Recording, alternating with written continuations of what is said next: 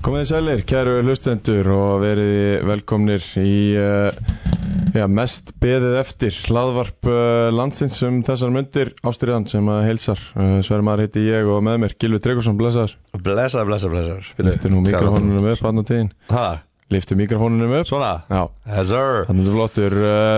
Já, uh, mikil eftir það ting Já, ég hef aldrei fengið ja, mikið af svona, það var aldrei verið ja, mikið pússað á mig Já, Það eru, kílu, skottist þið núna inn í stúdíóið Einmitt. og ítið á rack mitt, uh, já það er, uh, svona eftirvæntingin er áþreifanleg, það er uh, svona það sem við erum að reyna að segja en uh, Unbroken með okkur í þessu ástæðan fyrir því að ég stend í dag, við spilaðum náttúrulega 105 mínútur í gær Já og uh, langar leikur en ég fekk mér uh, tvo í gær og eitt í dag og ég er allur að koma til Já, og ég set það bara beint á Unbroken sko, ég gerði mistökki síðastlætti já, þar sem að uh, ég sagði að e-mailið væri hello at unbrokentr.com já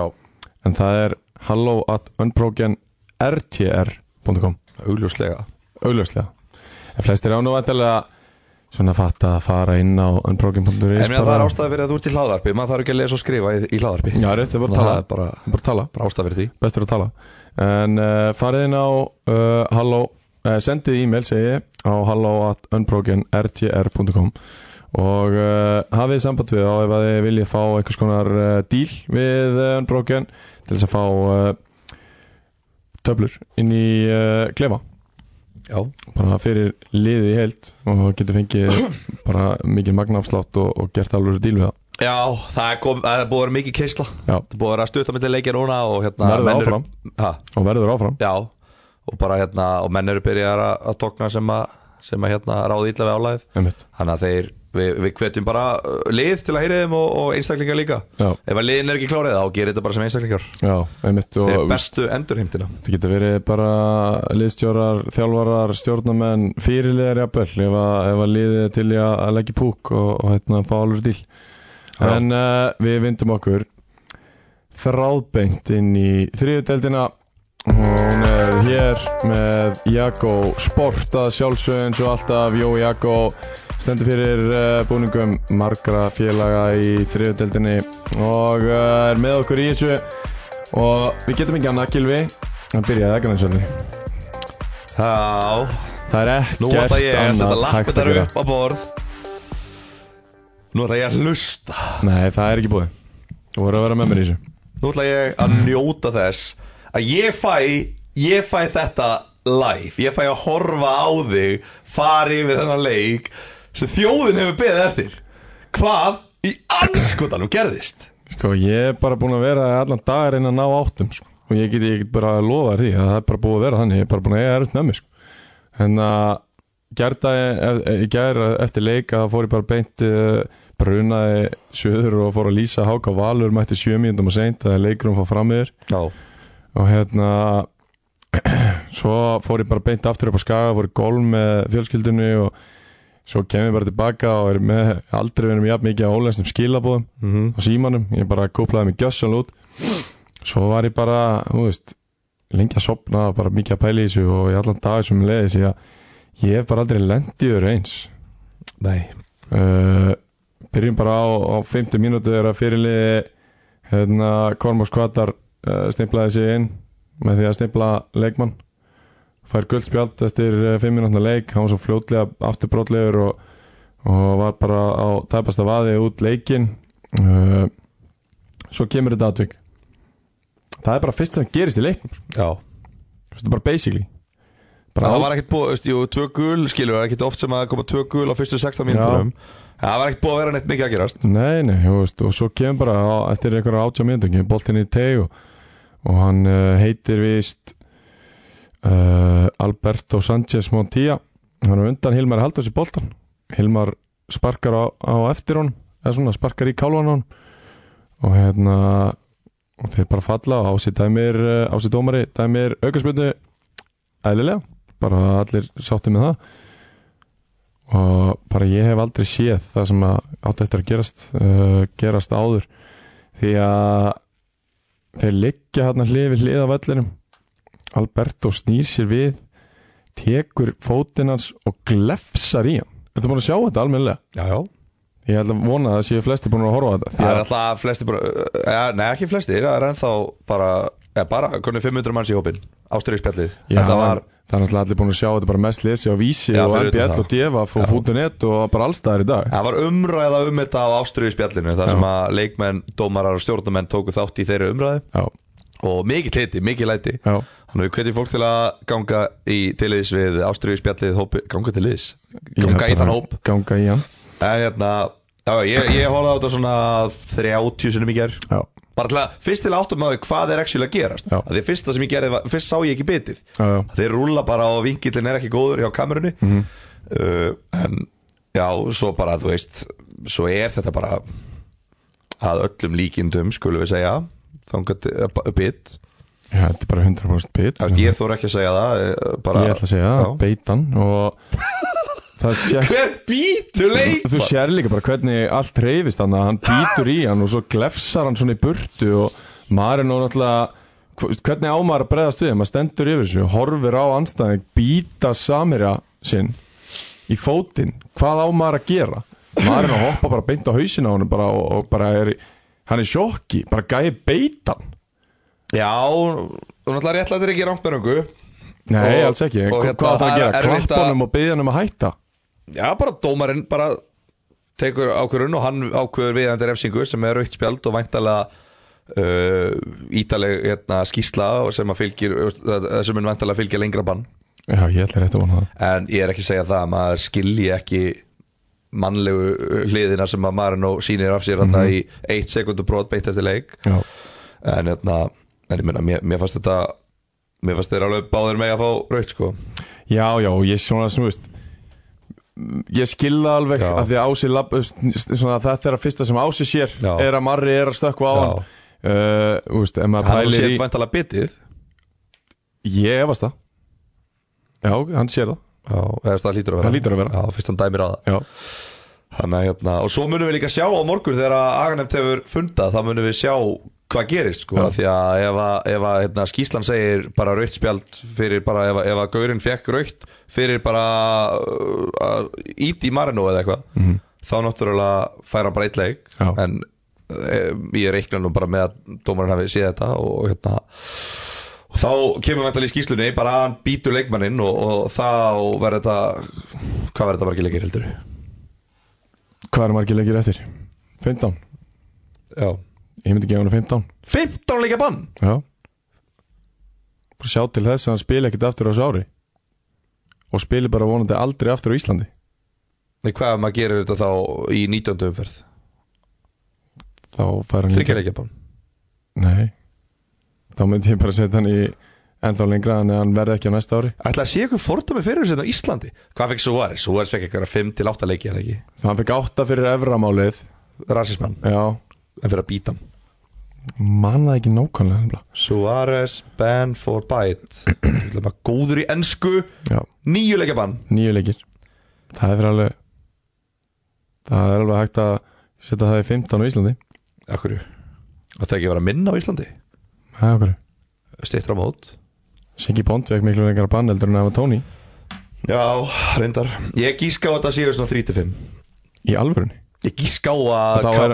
þá er hann ekkert að fara neitt og spila bara restina af tímabölinu og ekkert mál Já, já Ég gíska á að KSI muni dæman í 35 leikja bann Já Þá er Það er ekki það sem banka í ég á- myndi- Þá banka ég á hurðar Það, Þá banka ég á hurðar sko. já Ekki samt kveikin einu Nei, ég ger það ekki Ég banka bara Já. Ef þau leipir mér inn þá tala ég við þá En þeir hleypa þær ekki Þá labba ég tilbaka og kerði út í bíl og kerði burtu Þetta er satt svona rennihurð, rafmaks, það skinnja Já, rétt Nei, sko, ég kem að naða þessu sjálfur uh, Ég sá ekkert hvað gerist sjálfur Já, uh, Þannig að ég er bara fyrir að tjekka á Hilmari og hann, hann stendur bara gapir upp á mig og segir bara Hann beit mig Og ég var bara, ha?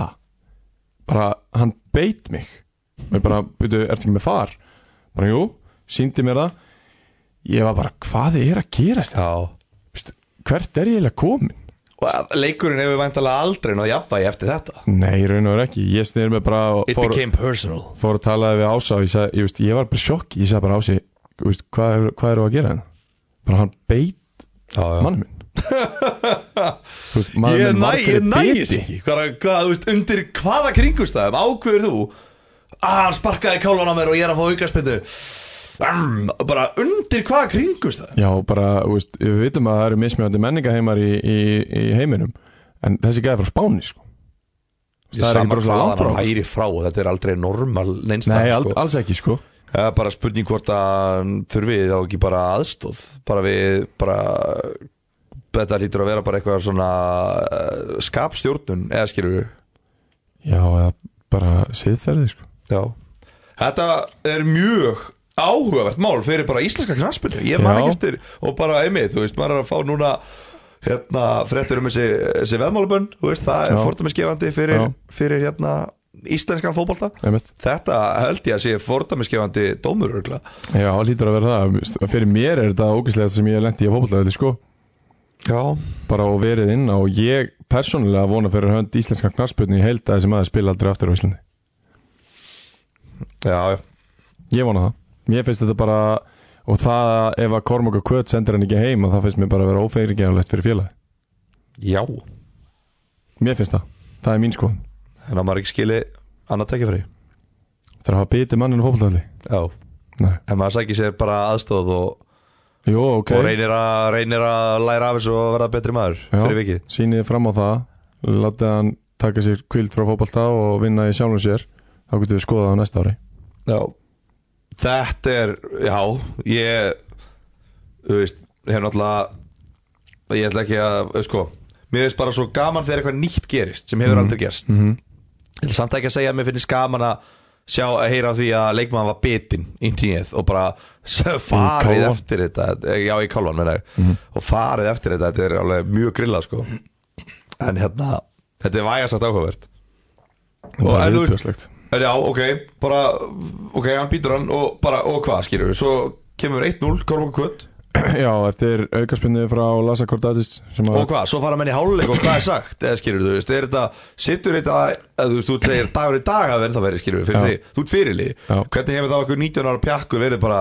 Heyrðu, það var, hver bitir þetta Hvað er ég að gera, okkur er ég ekki bara í meistaraflokki í að það sem að Menn er að spila fótbolta Nákvæmlega og ég sko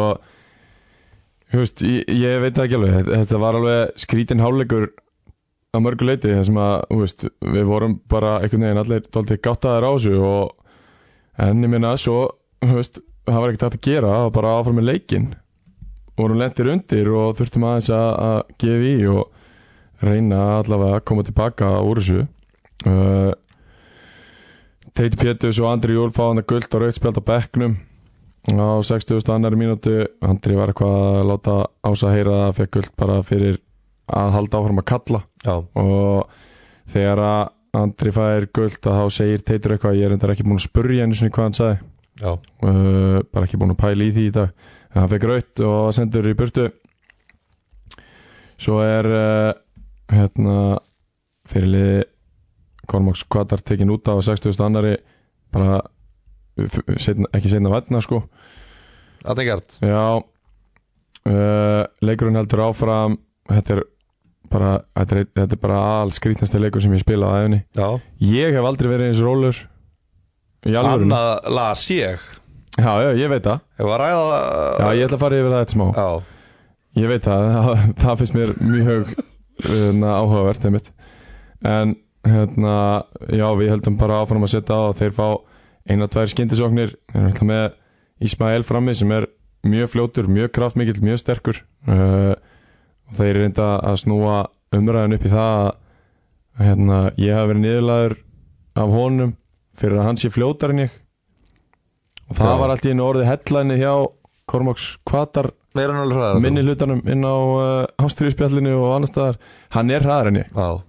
og það, Já, ég er fyrsti maður til að sko. við ekki Ah, Ég er bara spyr, Já. ég, ég, ég er bara að veiða, veiða fram gögnin í, í sjónarljósið sviðsljósið. nákvæmlega Hann ég, er hraðari Ég fór ekki inn í Ísmael er þennan hraðar leik. en Sverrir Það er náttúrulega fyrirsögnin úr þessum leik það er það raun og veru sko. Já, ég fór inn í eina leik ég mitt bara haldandi að ég myndi stinga hann af sko. já, já, og svo kom bara allt annað í ljós og ég var alveg jafn mikið í sjokki við þín ánast já.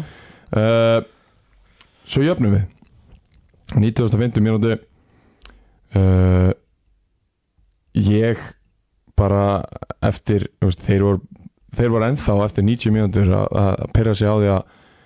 þegar boltin fyrir upp í loft já. þá eru þeir ennþá að pyrra sig á því bara, hvað er að gera sinna, hvað, hverju hækkið þið ekki í höllina bara búið að vera svona í 15 ár sko, Hverju hækkið hvað er að ekki í höll? breyta þú veist, hvað, við spilum bara hér og þið þegið uh, þeir voru farin að sparka boltanum út af í staði fyrir tilbaka Kominu Þú veist, Já, til ykkar Og boltar pressa ykkur í droppa. inn- innkvistum já, Já spörkuðu boltanum út af komum svo bara að stiga á okkur Eitthvað sem að var þá bara búið að- Sem að Baldur Borgars var búin að drilla það Mm, Þjálfari ég, Kolbeins efast það, Gautar. ég held að freka verið skilabóð frá fyrirleganu sem var komin á sestur ánda bekkin og var hvað hávarastur Já uh, í þessu og svo var hann að rífast á móti og, og Kára Bekkurinn var að láta vita að þetta væri gjössanlega galin hegðun Já, uh, honum fannst það ekki en uh, svo náðu við að jafna og ég snýri mér að bekknum hann og fagnaði andlitaðum kannski eitthvað sem ég, hef- ég hef ekki átt að gera og ég tek það á mig en uh, þarna þú var fagnar bara rólega vantala Nei, mjög mikið uh, Svo á 2008. mjöndu þá fáum við viti uh, Kristoffer Áki tekið niður uh, réttilega tæmt uh, viti og peistullin sagði mér að segja sammála, voru sammála því Já uh, Matteo Klíment Rodríguez fær raut spjald fyrir að vera eitthvað vesen að stanna ég veit ekki hvað hann gerði Rauðspjöld fyrir hann vesen bara vesenast, hann bara Já. eitthvað vesenast í boltanum og vesenast fyrir ása og eitthvað svona Já tala hvorki íslenskunni ennsku þannig að alla hefur hann sagt eitthvað sem að, þú veist, nema Getur alveg ási, sagt nema ási skilji eitthvað á spænsku því að hann var ekkert eitthvað öskandrá hann Nei, það kunna allir að blóta á spænsku sko. já, já. ef, hann- ef þú segir eitthvað á Jú, jú, spænsku reyndar. sem að þú mátt ekki segja á íslensku þá má nú alveg en reyndar. skilur þú veist ef að þú ert einhver ákveðin tegund á síni skilur já, það mætti ekki kalla dómaran einhver ákveðin tegund á síni á íslensku Nei, nei. eða ensku þannig að ef hann gerir það á spænsku þá myndi ég alveg skilja Já, já. eða, eða eitthvað svoleið sko algjörlega fær hann að rautt spjald uh, beint rautt og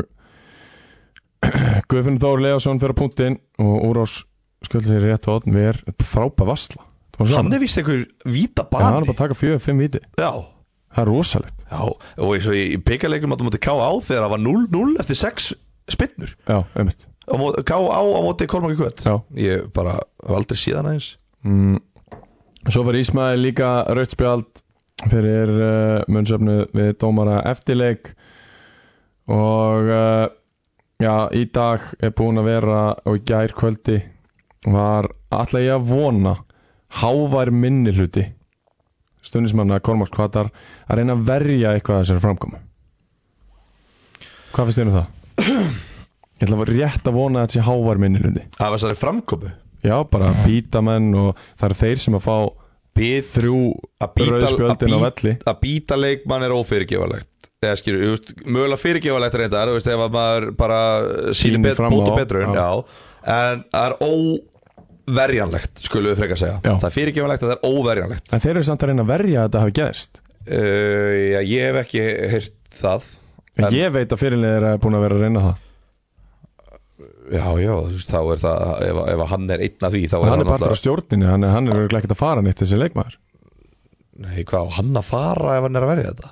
Nei, leikmaðurinn, ég, ef ég var að stýra þessu félag myndi senda gæjan í burtu Eh, Ég veit ekki alveg hvort að, hvort að Siggi sé í stjórninni en, en, Hann hérna, var það allavega Já, hann er eitthvað svona einhverjir vilja meina að hann sé í stjórn og einhverjir ekki Já, uh, En nei, nei, þú veist, ég veit það ekki Ég veit ekki hvort að, hversu mikið hann er að verja þetta uh, En hérna Ég allavega held að það sé enginn að verja Ég meina Baldur Borgars þjálfari kom að skvatar Kemur inn á Facebook og Astrid Spjallið og, og hérna viðurkennir bara bitið já en Og hann er ekki þjálfari komast kvotar hann, er, hann er þjálfari Kormaskvatar búin Hann að er vera það ekki síðan þjálfari tóleiki Yngvi Blanko er þjálfari liðsins Patti er Baldur að búin að vera hjálpa honum. skráður þjálfari í, í, Patti vill ekki vera skráður þjálfari Það er allavega það sem að segja við mig hann vilja það ekki Hann vill ekki vera skráður þjálfari Menn, hann er alltaf að búa að skrá hann sem þjálfara á tvoleikiröð Já, ég veit og þá það. er hann þjálfari ef að yngvið er þjálfari og Baldvin er aðstofþjálfari þá er Baldvin aðstofþjálfari Já, uh, eða liðstjóri eða hvað sem hann er þarna í í hvaða hlutverki sem hann er uh, nei, nei, þú veist, ég held að, þú veist, ég meina svo fá menn bara tvö rauð í lokin, þú veist, það er bara menn að fengi rauð fyrir, fyrir munnsöfnu og, og slíkt, þannig að Já, já. það er bara hlut af leiknum og bara áfragak en hérna þi- káramenn eru brjálaðir yfir framkomu Kormókskvatar í þessum leik Kormókur kvöt er að samanskapi brjálaðir yfir framkomu kára í þessum leik já, eins og við getum núna farið kannski að ræða bara svo við tökum hérna bara 90 mínúna ræðu um, um hérna, þennan leik en það er ekkit annað hægt Eh, að þá ég skal byrja. kemur, þessi, já, kemur þessi grein og hún er að, um, hún er á kormakukvöt.net og það er formaður félagsins sem að skrifar hana uh, Björgvin uh, Björg Úlsson held ég hann heiti uh, það finnst mér er hann ekki Brynjólfsson, Brynjálsson Björgvin Brynjálsson maðurinn með skeggi og gleru Já, hann uh, skrifar þessa grein uh, sem að er frábælega skrifuð fyrir að fyrsta ég Frá- elska frábær hann að penna Frábær penni, alvöru penni uh, byrjum á því uh, Innihaldið er áhugavert uh, Hann segir hérna til að byrja með Það lítur að vera snúið að vera skagamæður Bæði hefur hann áðust árangur hjá aðaliðinu sem ætti heima í heimsmyndabók Guinness en á sama tíma er umgjörð knassbyndifélagsins Kára eins lítil bæjarpríði og arfleið uh, íja er frábær Þegar svo heldur hann aðeins áfram segir svo Kári hins vegar er orðið eitthvað sem enginn nennir djöfulgangur og dómarapressa veit ekki betur en að þeir hafi átt svona þrefalt fleiri mómenta sem að þeir hópuðust að dómarunum heldur en við Þeirra nálgun á knattspyrnu hefur minnsta þegar þeir leika á heimavelli er að hita upp agrænishöllina frá fyrsta sparki hann má nú alveg hitta þessa höll upp Já, það er líka kalt hérna. inn í henni já, já. Uh, Fulltrúar á bekknum, gelta og dómaratríóði frá fyrstu mínútu. Það var jæmt og það er alltaf jæmt á báðum endum. Endurómurinn á vellinum er fullkominn. Það sem sígjeltandi fyrirliði þeirra fer fremstur í flokki, alls saklaus af brotum en svæsin þólandi alls sem á hann er blásið. sígeltandi Sígjeltandi.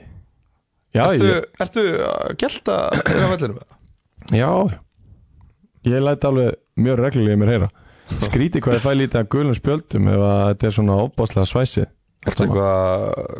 gelta annars það líka Nei, minnst er það Já Ég, Ah, ok.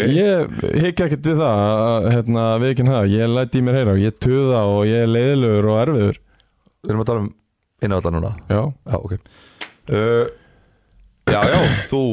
þú gerir það og menna, þú veist er ég fyrsti knastmyndmaðurinn sem að Nei, nei, hérna, Já. nei, nei, það er bara þannig Ég, hérna, þurfum við ekki að fá smá tempo í þetta mm -hmm. uh, þeir- áhendur taka undir, úa og púa Allir í póstnumurinn eru með fullkomna sín og og minnstu smáadri sem gerast inn á vellinu Hvort sem þau eru í sjónlínu eða ekki, þó aðeins í þeirra átt Svo, svo langar mér að koma hérna inn á rauðaspjaldi Niðurstaðan var þrjú rauðspjöld á okkar lið, tvö spjöld á þeirra lið Alberto fauk út af snemma í leiknum eftir deilur þar sem héraðst tannleiknir kvalfjörðasveitar tók sér bólfestu í káramönnum og kýtingur braust út Já, hvers konar hvers konar bull er þetta? uh, Leikmaðurinn í liðinu sem þú ert formaður hjá beit anstæðing og þetta er orðaleið já, já. deilur og kýtingur braust út Já, menna, þetta vor, þetta er, þetta er alveg rétt Þetta eru deilur og svo brýst út kýtingur En hann er náttúrulega að reyna að væntanlega gera lítið úr þessu eins og þeir flestir Já, allavega tveir, uh, segir þú En nei, nei, þú veist, þetta er bara Svona er þetta bara, þú veist, þetta er bara, þetta er bara leikur Og hann uh, fær bara þá refsingu sem hann mun fá KSI mun bara dæma úr þessu Já. Það er ekkit, þú veist, það Ég veit svo ekki er alveg, þú náttúrulega veist hægt að fara lengra með þetta bara fyrir,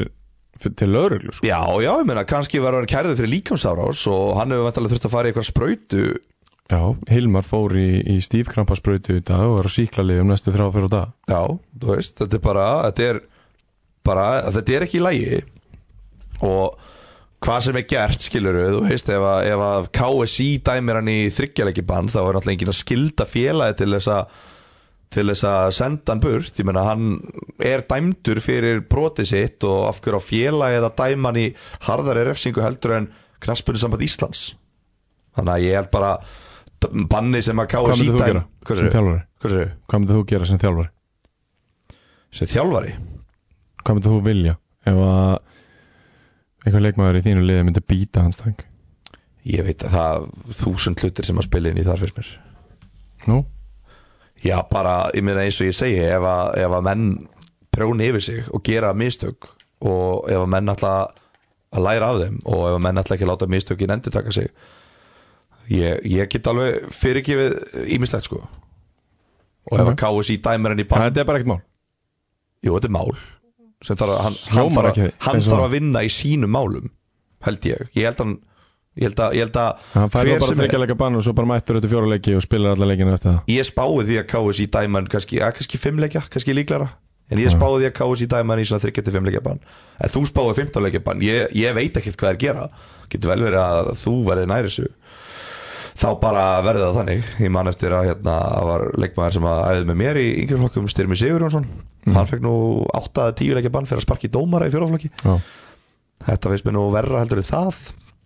þannig að þú veist, ég veit það ekki maður þetta er bara, það sem að gerist gerist við munum vera, við verðum mættir inn í næsta þætti og þá verður þessi dómur komið, það verður alltaf fjallað með hann dóm alveg svo að fjallað með datvik já, og, og hérna, ég held að alveg sama hvað verður dæmt, það verður einhver brjálaður ef hann er dæmtur í 15 leikja bann þá verður blönd og skjörsamlega trillt sko, ef hann er dæmtur í 3 að leikja þeim bann finnst þetta ekki einu svona hafa verið neitt Þeim finnst þetta ekki hafa verið mér finnst ekki, mér finnst ekki sangjart að þú Jenner alhæfir Það svona eru þeir yfir- sem er að tala Ég sagði, ég ætla að vona að það sé hávar minni hluti sem eru að tala ofinbærilega því að þetta er það sem að ég er að skinja frá þeim Já, já, þetta er það sem þú ert að skinja frá þeim Já, Já, þú skinjar að þeim ég finnist bauð þetta ekkert fyrirlega liðsins og þjálfara liðsins að við myndum ringi í hann hérna í þá hérna nóg. og þeir hérna, ég fekk ekkert svar frá fyrirleganum en þjálfarin hafnaði þeirri beðinni, gaf ekki kost á Já, þeir Baldvin Nei, þjálfari Já, liðsins yngvi, yngvi Þjálfari Yngvi, liðsins, já. já. Yngvi Minni og má ég eftir að já. þeir hérna hann allavega neitaði því Já. og, og sagðist þurfa að tala við meistarflokksráði um, um hérna, framhaldi já, þetta, þessi leikur sýnir rosalega vel ástæðan af hverju Atsjó Pandúrevits hætti með þetta lið hvað bara stjórnleysi, agaleysi ekkert að gerast nema bara eitthvað svona bull hann hættir út af því já, það er ég- staðfest ástæða Já, ég meina þeir eru samt bara góðum álum í deildinni og eru bara í fimmtasæti og fullt að gerast hjá þeim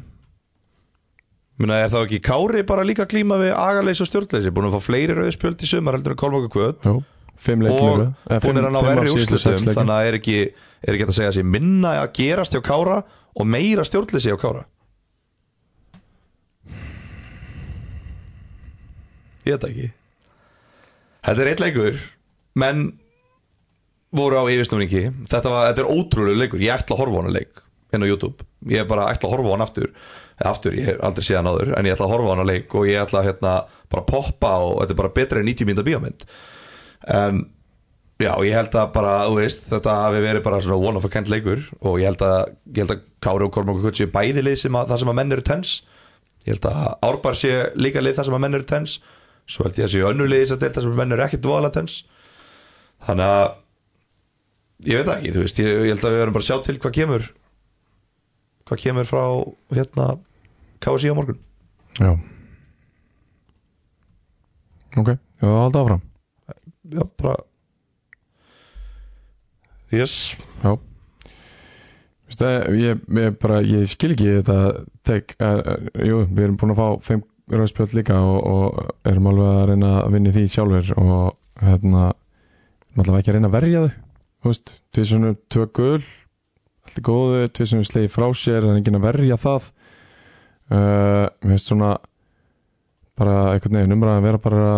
þeirra mig frá að sé vera að reyna að verja þetta sem gerðist og, og það er einhvern veginn engin vandamál hjá þeim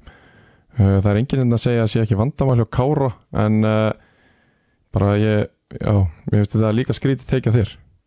já þetta fara frekar, ég veist, að fara hináttina og þú veist, eins og þeir eru búin að vera að reyna að gera er að benda á móti sem Já, að mér ég- finnst ok, rosa ok, og þú ég tekur þátt í kannski- því, mér finnst það bara skrítið Já, veist, ég, er ekki að, ég er ekki að segja að það séu eitthvað vandamál eitthvað í hjá Kára skilur, veist, ég veit alveg, ég er búin að sjá Hún varst að segja? Já, veist, nei, ég spurði, er ekki alveg eins hægt að segja að það séu sömu vandamál hjá Kára en mér finnst ekki vera þessi vandamál hjá Kára skilur mér finnst, þú veist, ef allt væri eðlegt væri Kári að mínum að í þriðið eða fjórastætti í deildinni sko, og bara í bullandi toppanáttu það sem ég hef séð ég hef séð, ég hef séð ykkur tapa 5-7 stigum sem að þið áttu ekkert að tapa skilur við, mm en þannig að ég er ekki að segja að þessi vandamál séu að kára ég er bara að reyna að sjá hína hliðina á teiningnum, af því að hér er káramaður og engin ég sé ekki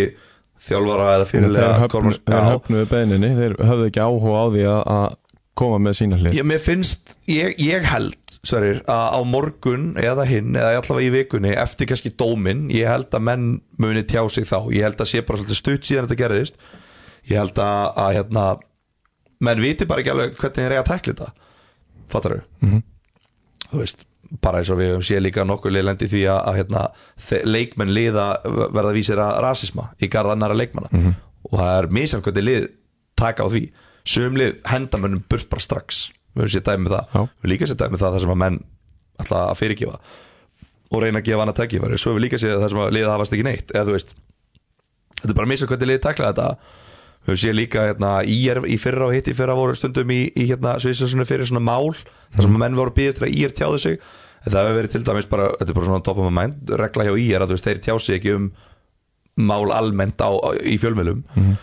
kannski ætla Kormáka Kvöld að taka þetta ekki en mér finnst líklega í ljósi þess hversu alvarlegt það er að býta leikmann ég held að þeir verði að tjá sig en að- það að þeir gerir það ekki daginn eftir leik ég skil það alveg en í- mér finnst það eðlilegt að þeir gerir það þá í þessari viku sko. þannig að ég held að það sé svona ég held að, hvað segir maður, rikið sé ekki alveg fallið Nei, þannig að en, en, hérna, en aðalmálið í þessu í, sama hvort að einhverji á blöndósi sé að reyna að segja eitthvað annað eða ekki aðalmálið í þessu er bara það að þú býtur ekki leikmann og það er bara glórlust já Fór haldið mér þetta ha? Já Bara eðlilega Áfram með þetta uh, IH fekk uh, Ími í heimsókn í skessuna Það sem að uh, Það var skorað nóga mörgum og þetta sveiflaðist til og frá Kristján Ólafsson skoraði fyrsta markið með skalla eftir hotspilnu og Arnar Sigþórsson kom eh, IH í 2-0 Arjan Ari Morína jafna og Víti á 47. mínútu í fyrirháleik 2-1 í háleik Á fyrst þremur Nei, á fyrstu sjö mínútum eh, síðarháleiks skorar Ímir þrjú mörg þar á meðal tvö á 50. mínútu Ég- hver að sá maður þetta síðast? aldrei séð það sömu mínútunni tvö mörg á sömu mínútur Sannar Þór, Edvarsson og Arjan Ari Morína og svo tveimu mínútu síðar skorar Fannar Gauti Gissurásson fjögur tvö en íhámenn eru segir þetta er ótrúlegt lið sko. Þeir koma tilbaka 82 þá uh, skora Karl Viðar Magnússon og 93 þá skora Alli Rappkjelsson 4-4 jattefli eftir að hafa verið 2-0 yfir lent 4-2 undir þá koma IH tilbaka Hvað ruggl er það? er bara hvað eru þeir búin að koma oft tilbaka voru þeir, með líður þess að hafi gert þetta stundum í fyrra líka Já, já, bara, þetta er, þetta er ótrúlegt lið já, Þeir eru búin að tapa jafnmörgur leikjum og liðið í fyrsta seti einmitt Þetta er bara, Þetta er glórulust þetta er magnað, magnað dæmi og bara, ég veit ekki hvar var á að byrja þetta sko Nei Sko það vantar Brynjar Áskeið, það vantar Örnir Unnar uh, Garðar Ingi á bekknum kemur inn á hjá IH annars er þetta bara ágætt slið uh, hinum megin það er allir mættir eða ekki Nema Nema- langbæsti leikmann leysins Já, nema hann, hann er það frá Arjan Ari er bara alveg búin að ná sér hann er bara Hann er nátt bara alveg komið tilbaka já, spila Og- alltaf leikin nei, nei, nei, nei, hann er ekkert allir alveg komin tilbaka spila bara á 68 mínútur Já, fjögur, tvö, þeir eru 20 mít- 40 yfir með hann 20 mítur eftir, já, og 200 lundir á hann 200 undir Það á hans. verður einhver að fara að taka saman gögnin sko En hann er komin í bara fjögur mörg og, Já. og bara komin á gott rönn já, Uh, ég held að ég held að uh, þjálfar Ímis hafi nú bara gert svipum mistök og þjálfar árbæðar á mótið þeim sko. já, bara skipta of snemma og, og hérna ætla að reyna, þetta er þétt prógram og ætla að reyna að hérna hlýfa ykkur um mönnum en það er bara ótrúlegt hvað lið virðast ekki ætla að læra þetta á móti Ími Já, nei, á móti móti IH. Íhá segi ég já, það er bara ekkert hægt þú þú getur aldrei sofað að verðinum gegn þeim nei Karl Viðar komin aftur eftir meðsli já, spilaði þetta í síðasta regl líka er það ekki jú, held að uh, og á móti augnablik þá byrjar hann nei, hann kemur inn á komin á, já, þetta er fyrsti byrjunlegsleikurinn hans uh, í sumar já og hann skorar markar ekkert þess er ótrúleitt Já, hann hefur 20 mörg í 65 leikjum hérna á KSI já, alltaf hafsend þetta er hafsend þetta er, þetta er bara sem strækir væri þetta bara solid Já, Þannig að ég skil þetta ekki alveg sko Þú veist hvað Já, Arjan Ari Morína er ekki með ja, gott markalutfall því miður En já, þeir bara jafna þeir eru bara ótrúleir uh, Fjóraða jafntöfli í röð, fymta jafntöfli í sjö leikjum Já. uh, Þeir voru heldur betur búinir að teikna þetta sem fyrsta sigurinn á díumbölinu Mhm, og voru byrjar að fagna því á social media fyrirleik einmitt. að þarna væri fyrsti sigurinn Já, lítur vel út Ímesmenn líka segir, harðir gefa öllum liðu leik þeir gera það og þeir áttu að vera búin að drepa hann leik uh, heyrði ég að þeir áttu að skora þarna 5-2 Já, fengu tækifæri til þess einmitt nýttu það ekki og þá er þeir bara refsað af, af liði eins og íhá Já, Pétur Hrafn er þetta í listur líka hjá já, IH. hann er í listu, það var ekki með Það vantar nokkra mjög sterka og mikilvæga hann í þetta íhálið Já, já, þetta er bara svona stig sem að einhvern veginn bæði liði er ekkit sérstaklega sátt með held ég Alls ekki, sko Þeir sitja þarna saman í fallsæti og eru Já. bara ekki, ekki sátt Nei, alls ekki uh, Heldum áfram uh, á Greinivíkuvöll þar sem að Magni fekk elliða í heimsókn uh, Daniel Steinar Kjartansson kemur elliða yfir á 8. mínútu og Eyjólfur Andri Sverrisson kemur um í 2-0 á 30.50 þannig staðan í hálfleik Þeir var báðir út af upphæði síðra hálfleiks og uh, svo er það 8. Björn Óðisson sem að minga munin fyrir Magna á 73 mínútu lengra komst Magni ekki frápa sigur uh, elliða á útivelli á Grinnivíku velli óvæntur mm, Já Jú, jú, ég meina þú veist ég held að ekkert margir spáð ellega sigri þarna í þessum leik nei, uh, ég, þú veist, ég veit ekki, ég, ég, ég man ekki hvað ég sagði síðast á þetta Nei, nei. þegar hún var spáðan, en mér, ég var ekkert í sjokki sko. nei, sérstaklega þegar ég sá að Otto, Otto Björn var að byrja á bekknum sem Já. er helvíti helvíti góðu leikmaður, finnst mér og Já. þeir eru nú með nokkra nokkra mjög góða þarna í Magna, en mér finnst Otto búin að vera, vera mjög, ég er búin að vera mjög hrifin á honum Mhm. það sem ég hef séð að Magna uh, þannig að ég veit það ekki, þetta er samt svo típist elli þú þetta veist er það sko they always come back Já. og tapa þremur í röð og þú veist, ef þú eru tapað þarna þá væri þeir, hvað, einu stíi fyrir ofan fellsæti og bara, þú veist, væri búin að missa pakkanum bara draumurinn um að fara upp í, í Aradelt væri algjörlega dau- dáinn og tímabilið bara svolítið dögt einhvern veginn nei, nei, þeir vinna þennan leik skilur þú veist, tapa kannski leikjum sem þeir eiga að vinna já, vinna svo þennan leik og bara hérna bara sína bara mikinn karakter að koma tilbaka eftir væga sagt súrtap líka já, í síðasta leik Já. og þar á undan þannig að þetta var bara bara geggjað sigur fyrir, fyrir alla Magni var að prófa okkur að pressu er ég ok og reyna að pressa eitthvað hátt og það var bara ekki gengið upp reynda að koma börkinu allega úr föstum leikadröfum en hérna uh, þeir pressuðu nú ekki árbæð þegar að þeir unnu okkur 3-0 þægilega þannig að ég er að pæla sko hvort þetta sé úst, hvort þeir séu kannski betri á count, eh, sem svona Já. counterattack-lið að leikja bara niðri og einmitt, sækja hratt einmitt. sko, Magni er núna eftir sjöleiki með 8 stig, 2 séra, 2 jættiflega 3 töp, 12 skoru 13 á sig er áhugir, er áhugir á, á Grinnivík eða? Mm, nei, þeir ég falla held ekki úr annari deild í fyrra fara svona af stað þú Já. eru væntalega lið sem að hefði vilja að vera fyrir eitthvað með 14-15 stig í topparáttu eftir þessa byrjun Já, klálega, klálega og hérna ég veit það ekki, konum við fjóra leikir í röð núna án sigurs mm -hmm. uh, Þeir eru náttúrulega með einn útlending í liðinu sem hefur verið sem verið inn og út úr liðinu já, og það hann er held ég ekki topp þrýr besti leikmaðurinn í liðinu Nei. uh, og þeir eru að spila á þessum heimastrákum eh, heimastrák, já, le leikmönnum alltaf í kring sem, að, sem að hafa verið svona í kringum þetta lið undanfærin ár Já. og gefa þeim sjensinn sem er bara flott ég er í spekt af það alveg mjög mikið þeir hefðu alveg getað sótt þrjá fjóru útlendinga og verið bara automatist í topp baráttunni nefnitt uh, en þeir ákvaða að fara fyrir þessa leið og ég, ég er bara mjög hrifin af því ég sammálaði sko, en úst, samt verður maður að horfa á hvar lið hefur verið undanfarið klárlega, klárlega Muna, ég man þegar að Dalvik fjall úr annar deild og, og ég var bara að brotna niður hérna þátt eftir þátt yfir hvað hva ég var óanað með þá sko Einmitt. uh, af því þeir voru bara miðlugslið en, en svo reyndar fóruður upp árið eftir ég held að eins og með Magna núna, er þetta ekki bara svona þú veist, þú fjallur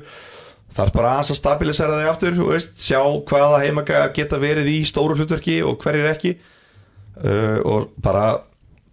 svo taka svo, þú veist, ég meina þetta móti er nú ekkert búið nei, ég ég er ekki að segja en, það en hérna, þú getur kannski alveg taka haft raun áhyggjur núna fyrir því. ég held að þeir fara nú öruglega ykkur raun já, þurfa að hérna þurfa að ná í stig á Grenivíkuvelli þeir hafa ekki enn þá fengið sigur þar Nei, fengið eitt stig á sex á Grenivíkuvelli já, þá meina þeir fengu sko sex stig á sex eh, hérna á gerðugrössum á Akureyri einmitt þannig að þeir þurfa bara að fara að sækja stig á heimavelli gera það að grefju og bara áfrakak Já, áfram gakk, við förum á fylgisvöll Það sem að eh, KFS kom í heimsókn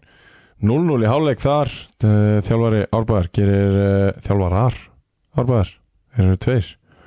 Gerðu tvöfaldabreitingu í hálfleik sem átt eftir að skila Ástóru Ingi Runarsson kom eh, Árbæði 1-0 á 50. fyrstu mínútu og eh, Super Sub með Clutch Jeans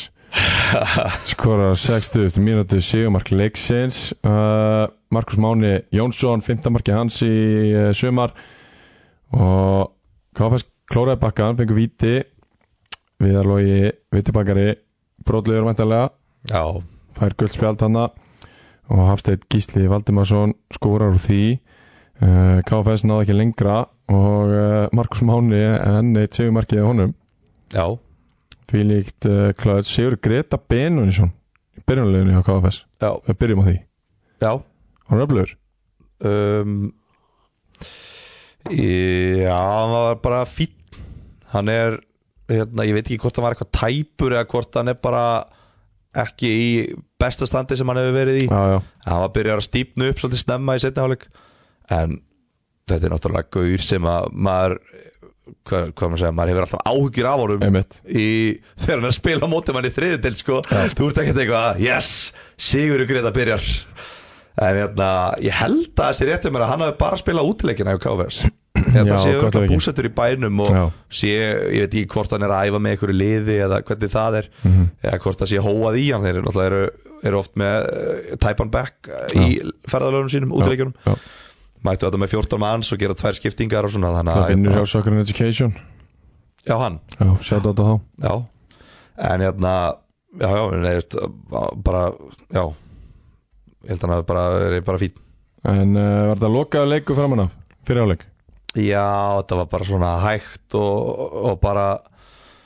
Það var svo rólegt einhvern veginn, rólegur dagur, bara sunnudagur og úrslitaleikur meistaradeldarinnan í búinn og það var ósámála því reyndar það Hvað? var eitthvað rólegu dagur Já, það var, þið tóku kannski eiginlega bara svona alla orkuna sem að hefði geta verið í þessum leik sko. Já. Þetta var bara, það var eiginlega bara frekar, já, eiginlega lítið að fjalla meina leik sko. bara koma aðeins meiri orka í, í setna hálfleikin já, og hérna ás að taka neitt af Andi og Marko sem að hafa bara verið flottir uh, hérna, alveg orka í Alfred og bara í röðu ja, Alfred og Marko eru náttúrulega mjög kraftmiklir og, og, hérna, og þeir sprengdu leikið svolítið upp og, og, hérna, og þá koma tvö góð mörg og hvar er Markus Máni að koma inn á í hvað stöðu er hann? uh, hann er að koma inn á yfirleitt í strækirinn eða, Já, í strækjarinn. eða kantinn ok, ok, ok ég vilja segja bara bakverð já, kemur inn í bakkur og alltaf bara að setja klötsi Nei, þetta var geggja markið á hann sko. bara færi boltan og tekur hann á lofti á vollíinu yfir markmanni fyrir utan teg bara, ok, vel gert bara að- hann snýr alltaf að markinu sko. þetta er bara svona þetta er bara svona dæmi um það bara þú veist hvað sjálfstöðstu mikilvæg hluti af fótboll Einmitt. sko. þannig að þetta var bara já bara flott sigur já, þrýri í röð núna og bara klefur upp töfluna hann er 14 stig já já lítið mjög vel út, þetta er bara ekki tapaði fimmleikjum já og þið ætlið bara að gera alveg allavega að þessu, það lítur út úr það Já, náttúrulega, auglustlega náttúrulega lítur út fyrir það núna þegar maður er bara markatölunni frá því að vera í þessum Já. tveimur sætum sem að, sem að öll lið vilja vera í já, en svo bara svo sjáum við bara hvað gerist að nú fara þetta inn bönnin og meðslinn og ferðalögin og, og hérna þá þurfum við bara að vera með lappið á jörinni já ég er nokkuð þægilegt prógram í næstu þremur hvíti riddarinn kom okkur kvöt heima sem að vantarlega vera einhverjir í banni og þeir svo- taka allir, þeir svo taka allir Kári bannið sem út er í með næsta leik átta stig þeir taka allir bannið út í næsta leik uh, leiðum mér að svara þetta með er því að þægilegt við, þryggjuleika prógram leiðum mér að svara með því að við eigum kvítarittarhann sem að hafa alltaf verið hellaði leikir þessi lið eiga sögu frá því fyrra já, Svo eigum við lið sem er einu stíu eftir okkur Svo eigum við Kára á Írskumdöfum Þú veist Já. jafnvel og ég hvernig Kári spilar á Írskumdöfum Kári með átta stig og tvo sigra, Já, já, herru, ok, já Þægilegt program, við hljótum bara að hérna nýju stig ja, bara klárlega það lítur að Við vera erum aðalega að horfa í það að geta bara að laga markatölun okkar í, í þessum þrejbuleikjum Já. Ertu eitthvað klikkaður? En ég fíla svo, ég elska þetta sem byrjað Hittir er komin, hittir er komin Já, Æ, djöfull get ég ekki P3 í sínum töfum þar það var uh, góður Eitthvað meira úr þessum leik, Gilvi? Bara bara kannski, ég veist, ég veit ekki við viljum fjalla um eins og KFS Já, bara örstuðt, bara að hérna eru þeir ekki bara í þessum bakka? jú, Þú veist, þeir verða líklega í næri hlutunum já, en, en hérna, þeir vita samtala jafnvel og við hinn að KFS tekur nú yfirleitrun já, já og þegar þeir hvað Hvað er ég að gera? hva er þetta að gera? Þetta er svo mikið bolla aðeins svo mikið ég, þú ætlar aldrei að hætta að hella í bollaðin það er alltaf floti þetta Þetta var svolítið spes, við veitum það þetta er bara erfið dagur Þetta var ekki smáður þetta erfið dagur sko en hérna Nei, nei, þú veist, ég meina, ég held að þeir verða alveg sáttir ef þeir halda sér í deildinni Já. sem ég að við, Já. með að við hérna hafa hlerað hlerað á aðeins en, en hérna, þeir vita samt bara eins og ég segi, þeir vita að þeir eiga inni að fara á raun Já, og þegar þeir fara á raun þá er ekki gott að mæta þeim Nei. þetta eru hörku leikmenn já, Þú já horfið bara á Já, já, liðið já, Við byrjunarlið. erum alveg Þetta farið eru yfir það sko. nokkur sem góði leikmenn, þetta eru bara með 5-6 gæja sem að spila í efstu deild og, Já, og bara það er ekki mörglið þessar deild sem eru með svona marga leikmenn sem að spila í efstu deild sko. Nei. þannig að þeir eru alveg góðir já, þeir þurfu bara að, þú veist, slípa sig aðeins betur saman og ég held að þetta fara að þetta hjá þeim. já, það geti gert það miðað við allavega þennan leik Já, þú veist, einmitt, miðað við þennan leik, við höfum alveg fengið fleiri færi á móti öðrum liðum heldur en KFS Já, Þannig að Já, þetta var já. bara, mér finnst þetta bara flottir, sérstaklega vartanlega algjörlega Herðu, Reyni Sangeri fekk kvítarittarhann í heimsókn og Julio César uh, gerði strax stert til, tilkall til þess að hafa skorað mark ársins sem hann uh, skoraði með hjól sem spilnu stöngin inn eftir uh, tvær mínútur Já, frábært mark þar hjá honum Kristof Páll eh, 2-0 á 8. mínútu Alvaro uh, Corbalán spánveri spænski framurinn hjá kvítaritaranum minga munin á 17. mínútu 2-1 í hálfleik fyrir reyni sangeri svo uh, kom ekki annað mark fyrir hann á 74. mínútu Sigur Orri Ingimarsson sem hafði komið inn á sem varamæður á 61. mínútu gerði það uh, og svo annar varamæður sem kom inn á 70. og annari mínútu Sigurbergir Elisson hann uh, gulltriði þetta á 88. mínútu annarskipti sem hann skora fjórða mark reynis í sumar og uh, eins og ég sagði gulltriði hennar Sigur 4-1 hjá reynis sangjarði og það, þetta var bara svona þetta var, þetta var skildu Sigur ég getum sagt það þetta var skildu Sigur reynis sangjarði en þið gerðu það vel jú, jú, fyrirfram þá náttúrulega eru, eru þeir líklega með sterkari lið Já. og hérna Jú, jú, bara, þú veist Þarna horfa þeir í þrjá punkta og, Já. og, og gera það vel Þeir vilja seldubitur vera komin í gang já, Þeir eru núna búin að taka þrjá í röð og, og hérna, komnir on top of the league top of the league og bara er að, þú veist, þeir eru að gera það sem að Magni vill vera að gera, þú veist, þeir eru að búa til alvöru víi á heimaðall Akkurat, þeir eru búin að skora 14 mörg í, í fjórum heimaleikjum já, búin að vinna það alla það eru hvað, 3,5 mörg í, hve- í leik Já. þannig að þeir eru að skora, þeir eru að fá færi þú veist, ég heyrði að þeir eru að fengi fleiri færi Já. uh, í þessum leik og hafa geta skora fleiri mörg ég heyrði það líka eftir upptöku á móti alla að þeir eru að fengi fleiri færi einmitt heldur en fjögur þannig að hérna uh, já já það er bara vélinni farin að malla og bara eins og við rættum fyrir, leik, eh, fyrir hérna, tímambil bara hvernig eigum við ekki að spá þeim fyrsta seti Akkurat, og hvernig á þetta lið ekki að vinna þessa deild og, og hérna þeir allavega virðast vera að standa, standa við það í Já. augnablikinu algjörlega uh, Sko, ég ætla að segja þetta, ég held að sjö fálið sem að henda hvíta rittaranum jafn illa á reynsengri Skilur hvað ég á við já skilji af því að þeir eru þannig liðið vilja liggja tilbaka, vilja sækja hratt og reynir við það líka og eru bara betri í því bara með meiri gæði já skilji já Mena, þetta, er, svo- þetta, er, þetta er svona já þetta er bara þannig að, að hérna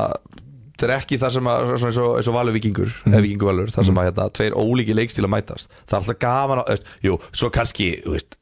ég sá ekki leikin, Nei, nei, kannski var reynir bara með 70% possession og voru bara dominera þá Já. og, og hérna kannski eru þeir bara að verða þannig lið Nei, ég held ekki ég veit ekki hvort að menn sé að skora hérna 16 mörg, þeir eru búin að skora flest mörg í deildinni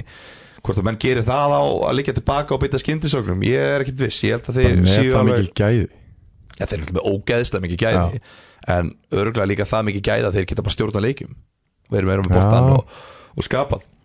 Þannig að ég veit ekki, ég held að kannski Ef þeir séu koma við- boltanum fram þá geta þeir stýrt leiknum Já, mögulega ég, en, en kannski erum við að tala hérna núna um eitthvað tveggja, þryggjóra gamalt reynislið sem Mögulega. að, Ég spilaði reyndar á mótum í vettur sem þeir spilaði svona Já, já, ok það, Ég er svona með við það Ég hef helst. ekki, ég hef ekki mætt þeim Nei. í- neitt í vettur eða, eða á tíumbölinu hinga til Þannig að Þannig, Þannig að já, en, en þeir eru komin í gang og, og þetta, lítur, þetta er farið að líta vel út hjá Já. þeim þeir, þeir líka, þeir vita það alveg sjálfur Þeir fóru ekki t- eitthvað massa vel á stað þetta tímambil sko. Nei, nei. Þeir voru alveg svolítið í gang Nú verðast þeir vera komin í gang já Og þeir eiga bara meir inni Já, og þeir eiga næsta leik á blöndásvelli uh, það má segja gegn löskuðu liði Hægast sagt lösku í liði Kvartar. Og með fullri vinningu fyrir Kormáki Kvöld Sem að þrátt fyrir l- síðasta leik Er alveg svona lúmst mittlið Ég ber alveg ekki taugar til þeirra því að ég spilaði 13 myndir með þeim en ég ég hef gaman mér finnst þetta lið með karakter mér finnst þetta lið sem að þú veist, ég nenn að fylgjast með þeim Þú veist, þetta er ekki eitthvað bara svona NPC lið En virðingi mín fór í gær já, ég, Þú veitir ég það. skil það alveg en þetta er vægasatlaska lið og ég held að reynir séu mjög hefnir að mæta Kormaki Kvöt á þessum tímapunkti Já. á útivelli þú veist, ég held að flest lið væri til að mæta Kormaki Kvöt með þessa þrjáleikminni banni Klálega, Klálega. Uh, Svo fyrir við í lokaleik umferðarnar sem að fór fram í kvöld uh, þar sem að uh, Víðir fór í heimsókn inn í Portugal og uh, heimsótti þar augnableik staðan 0-0 í hálfleik svolítið harður leikur sínist mér þegar svona líður á uh, fyrirháleikinn fjögur spjöld á síðasta korterinu uh, Rúnar Ingi Eistensson Rúnar Framkantastjórasson kallar hann og uh, hann skorar fyrsta og eina mark þessa leiks á 59. mínútu og uh, eignablikna er að halda út sko áður en fyrir mína leikil við hefur að heyrta að uh, það sé eitthvað ósættið á milli Sveins þjálfara og leikmannhámsir Nei, ég nefnilega fekk það kvísli í dag að, að hann væri mögulega hægt og rólega að missa klefan hann já, já, ok Og það hafi stafað af einhvers konar eh, ósætti eftir leikinu mútið Magna þar sem að eh, þeir eru eitt og lifir frá 60. mínútu uh,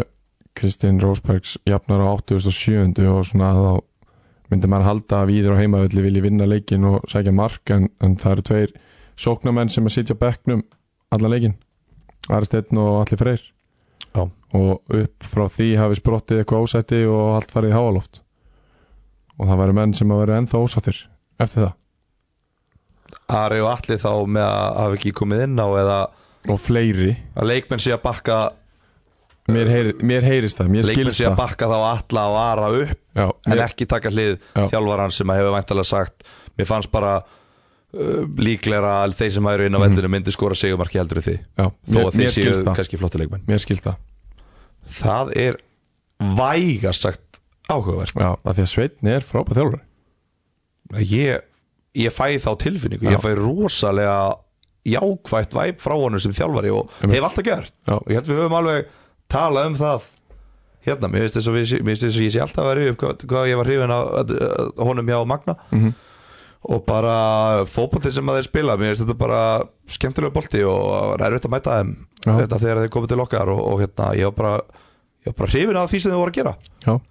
þannig að, já, þetta er, þetta er mjög áhugavert fara vel á stað, fullt og stiga eftir fjóra leiki konum við þrjá leiki núna í röða á eitt stig af nýju einmitt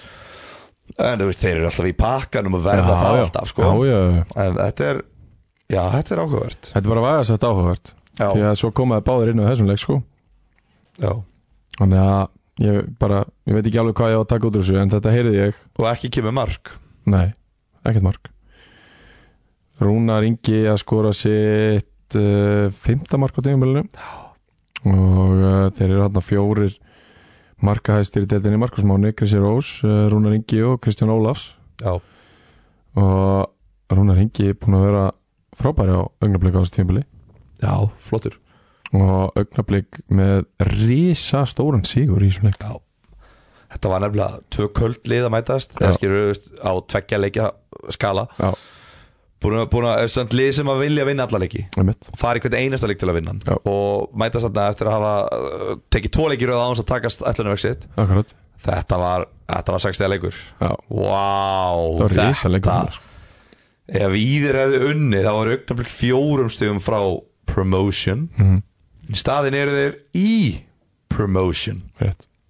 Fjögur stegi er alveg fjögur stegi sko já, þú veist, það má ekki gleymast maður finnur það þegar maður byrjar að taka þátt í þessari deil hvert einasta stig Mhm. það telur maður er sko tilbúin að bara fórna handleg fyrir eitt, þú veist, þetta er bara þetta er rosalegt Já, þannig að þetta var þetta var rísa stór sigur hjá augnablik sem sína mér enn eina ferðina þetta er bara lið með helvitis karakter já, þetta er bara það, við höfum náttúrulega rætt mikið undanfarið, af því við höfum ekki getað annað, rætt mikið karakterleysi undanfarið, já síðust liðin ár síðast við ná En við höfum líka komið inn á það að það er að breytast algjörlega og maður sér það bara á þessu tímanbili þeir, eru að- þeir eru að jafna nýjum að delli við uppbúta tíma Akkurat, þeir eru að skora vinnir á móti reyni sandgerði í uppbúta tíma já, þeir eru að lenda undir í leikjum og koma tilbaka og núna vinna þeir argjófli besta liði dildinni Arguably. allavega, allavega top 3 já, top 2-3 og vinna þá stert í leik sem var 50-50 já, og hefði alveg getað dottið báða megin en hann dettur augnumvegs megin og þeir eru heldur betur sáttum með það já Ég ekki trúa því halda hreinu líka skemmtilegt og bara já, bara Væntanlega sitja en þá á Katalínu meðan við tökum þetta upp Þetta eftir leikjaðum já, er það Ég væntanlega, fagnar sigri Það er ekki byrjaðar því? já, þeir fara ekki, þeir, þeir drekka ekkert til að fagna sko, Víst nei, nei, Víst nei, nei Ha? augnablík, Já, nei þú veist að parti liðið á öllum já, en þú veist, þeir eru bara í vatni og bara waterpong og eitthvað heldur sko, eða þú veist, flest eða, ekki, ok, ekki flestir eða þú veist, að menn fá sér alveg þetta en ég get alveg lofa því að Tumi og Jónþór eru núna bara að horfa á Netflix og borða, borða skýr sko Já, já En það er samt alveg 25 aðrir í sem hópið eða eitthvað svo Já, ég veist það er alveg einhverjir sem fá sér en það eru önnulegi sem fá sér meira Já, held ég. mögulega. en jú, jú, ég veit ekki hvað þeir eru en þeir eru alltaf að sáttir Já. það er það sem ég veit, þeir eru sáttir Algjörlega Herðu, uh, förum í Jakko Sport leikmann umferðarinnar Gilvi, ertu til í að eh, tilnefna eitthvað Er áður, ég- áður en við förum í þetta? Tilnefna einhvern on the spot Já,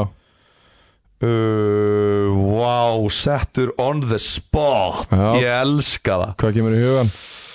Oh my god Það kemur ekkert í hugan verður það ekki bara, verður ég ekki bara tilnefna Arjan, svona algjör út í bláin Já, sko það sem kemur fyrst upp hjá mér er uh, bróðir Hilmas Halldórssonar í stúkunni á vellinum í Akransvöllinni gær sem stóð upp og baunaði á uh, meðal annars uh, Alberto Já, á 88. mínúti í leiknum já hann er svona einn af þeim uh, Það, ég veit ekki hver er það það er bara, bara bróðir hans Hilma sem var bitinn Já, já, ég veit hver það er Ég er að te- segja, ég veit ekki hver ætti að vera maður umfyrunar Nei, Það það er Arjan Ari Morin er hann! Já. Bæng, bæng, bæng, bæng! hann sjálfsögðu uh, staðan, hann breytir tunnelstöðu í 4-2 og fer svo út af og þeir tapaði niður sínir bara mikilvægi hans í uh, þessu ímisliði, skorur hann tvö mörg og það lofaði ykkur því að hann átti þátt í hinnur tveimur uh, einhvern þátt allavega og hann spilaði frábæran leik þá til að hann uh, þurfti að fara út af og uh, Er hann ekki- er leikmaður umferðanar í sjöndu umferð Jakko Sport, leikmaður umferðanar Já, er hann ekki klárlega topp þrýr Morína á Íslandi? 100% Er það ekki? hvað er margir? Ég held að hann sé lang þriðji besti Já Það er, það er Andi sem er hjá þér Já, og, hann er, hann er nummer eitt Já, Svo er Andi Morína annar, sem stað lafnir hans já, Það er Andi Morína og svo er Andi Morína í Já. KF Hann er Já. líklega, hann er líklega næstbestur og, og Arjan þriðbestur, ok held ég En hann er klárlega topp þrýr Er Besti Morína maðurinn að spila í þriðuteld og næst besti í annari Já. Ok Ok Þriðju þeir besti gætu, Mourinho þeir bara. gætu allir verið að spila í sol, góðu En, liði en þeir eru ekkert bræður eða hvað Andi Andri Morína Já, í Árbæ já, og Arian Ari Morína eru bræður já, ok og svo er Andi Morína sem er 0-3 mótil í KVF já, ég veit ekki alveg að ég, það getur eiginlega ekki verið að hans er bróði en svo er einhverjur eldri Morína líka sko. Já, þetta er, þetta er alvöru, þetta er ætt sko Já. En, en hérna, það getur ekki verið að þú eigi bat sem heitir Andi Morína og þú eigist annað bat sem að skýri líka Andi Morína Já, áður en við förum í aðra dildina það er að sjálfur, sjálfsögðu Bóli Léttöl sem er eh, með okkur í þessu öllu saman Gilvi, nú leikur á sunnudegi í gær Var eitthvað bóli eftir það eða? um, Nei To be honest Nei. Þá, þá var ekki bóli Þú átt hann Ég er alltaf inni- hreinskilið með þetta Já, það er það sko Alltaf Þú átt hreinskilið hann með inni uh, næsta helgi Það var, það var Já. lönghelgi þetta Já, leikur fimmtudag, Já, mánudag já, þeir eru á mánudagbyggana Nei Já. Er það? Er ekki bara eitt leikur á mánudagbyggana? Við erum búin að fara Við okkar, við fæ, okkar fæst Ok Þannig að það er 15 mánudag Það er lönghelgi að þér þá Já, já, Ekki já, strákunum já, nei, nei Nei, hvað hérna Ég var farið yfir það sem var að gerast það nei, Nei, nei, nei. ok Það er algjör úr þeirri En uh, þá er það bara uh, Þetta hér Það er uh, andeldin með uh, æs nikotín lausum púðum sem að er, uh, eru ennþá að sjálfsögðu með okkur í annari deildinni og uh, við skulum bara byrja þetta strax í uh, sjöundu umferði í annari deild á Kávaf IR þar sem að uh, Kávaf fekk IR í heimsókn á Kávaf Park 0-0 í háleik og uh, já, bara 0-0 eftir 90 mínútur og það er ekki fyrir ná 91. sem að Ágúst Unnar eh, Kristinsson skora fyrsta mark leiksins fyrir IR og Bræði Karl eh, bæti svo við og skora sitt tíunda mark í deildinni 95. galna lokamjöndur Já,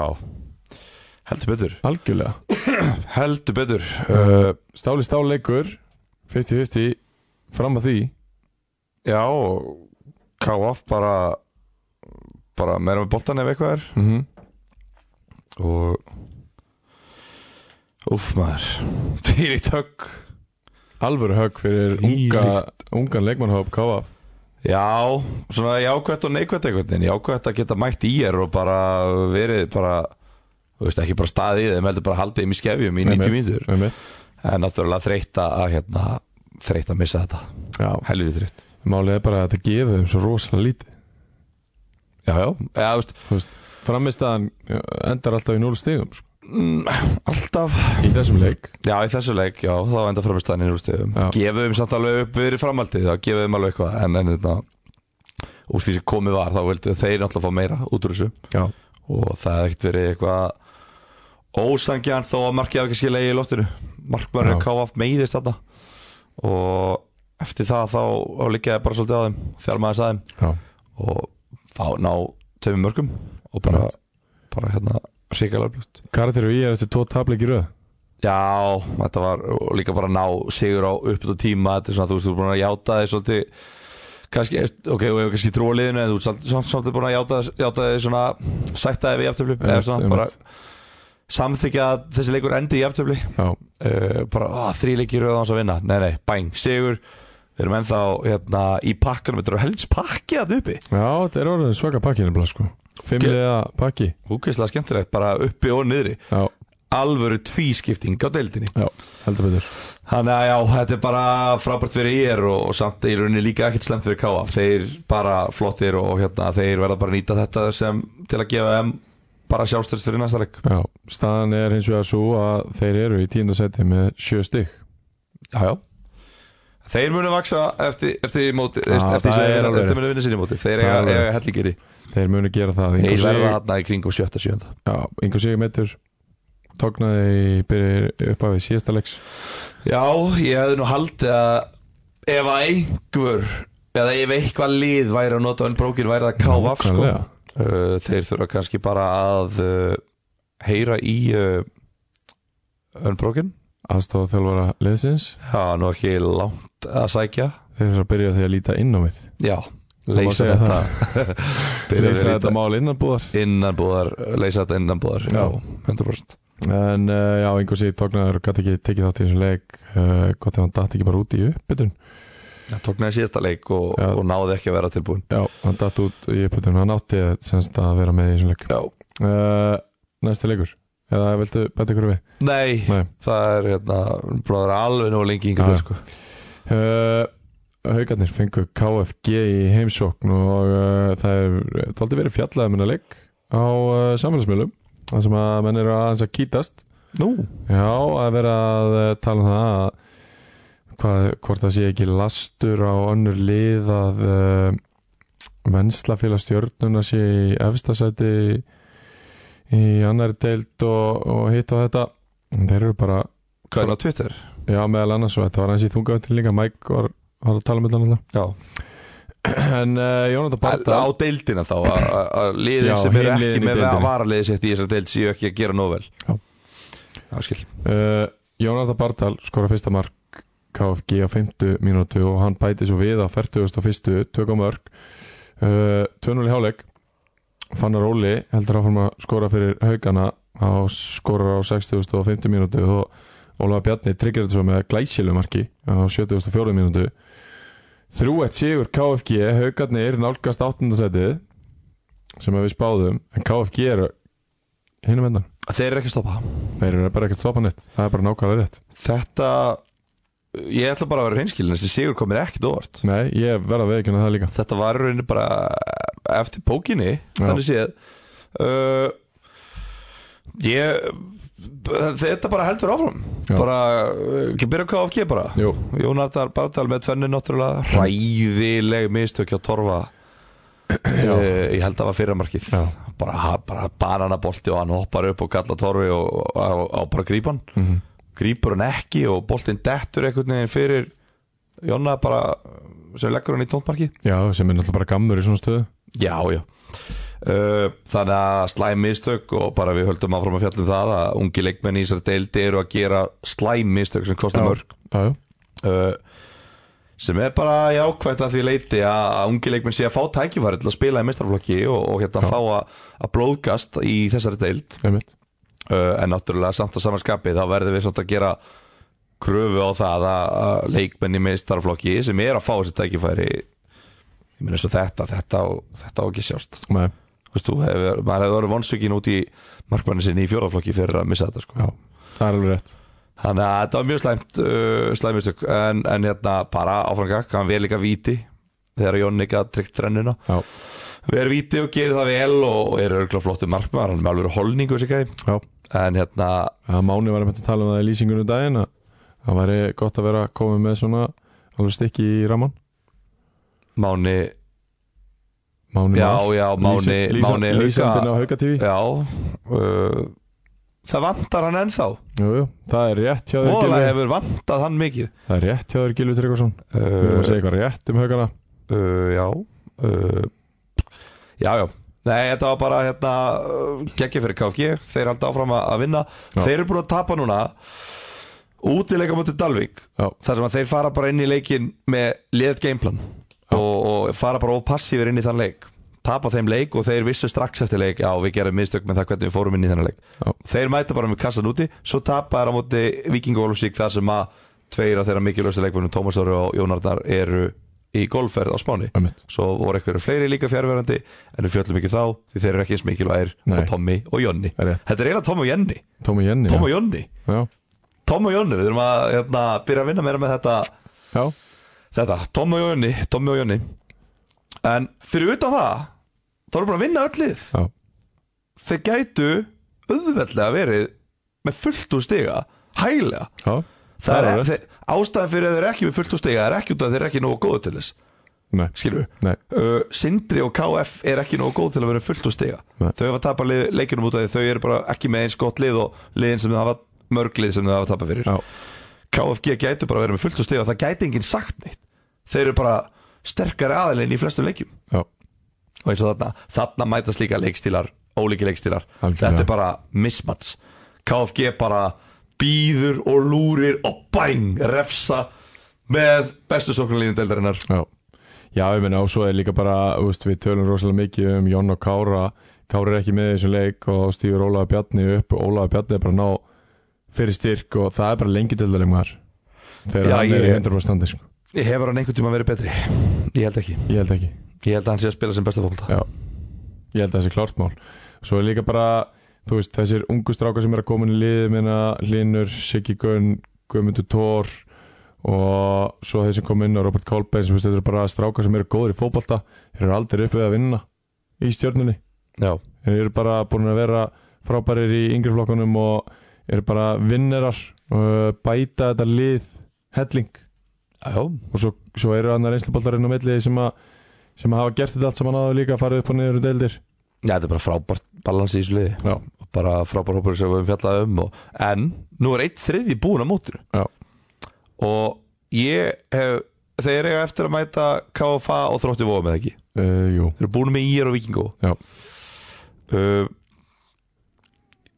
erum við bara að fara dett inn í þann tímapunkt þar sem við ætlum að ræða bara að þeir getur farið upp eða ætlum við að býða þangur til að mæta þrótti vóðum og KFA ég hafa ekki að leifa því að gerast Þetta er alveg tveiri stóri leiki sko. já, já, klálega en Ég hugsa það að væri- það sé best að leifa því að gerast Ég held að hérna, það væri allir sammála um það að það væri helvíti fyndið ef að Stjarnan og KFG mætast Máða á næsta ári Má það? Já. Ég veit það ekki Þetta hefur stundu komið upp sko. Afturhelding og hvíti rittarinn voru einu sinni bara mjög nálægt í að vera í sömu deil Já, hann voru það ekki Nei, það voru mjög nálægt í Já, fór yfir það í hetjónum með Alexander Aron Davosson Ég vant eftir að hlusta, segur þetta uh, En hérna á þann þátt Já, Kári og Ía voru næstu komin í lengi tildin á Þegar Kári fór 2019 næstu upp Ká, já. Þá, þá var mikið talað um þetta Já, það er áhugavert ég, hérna, ég held nú að við munum ekki sjá það Ég held að sé nú önnurlið líklega til að fara upp heldur en KFG og önnurlið líklega til að fara niður heldur en stjarnan algjörlega. En þetta er klálega f- möguleiki Þetta er alveg pæling En já, það er svo sem ekkert meira um þetta að segja bara hauk- haukar bara, uh, bara um meðdelt og bara upp og niður, þeir vinna, tappa og gera hjálptöfli og þeir skora og þeir fá þessu mörg og þetta er bara, þetta er klaufalegt en þú veist, þetta er bara liðið sem haukar eru með, þeir eru bara með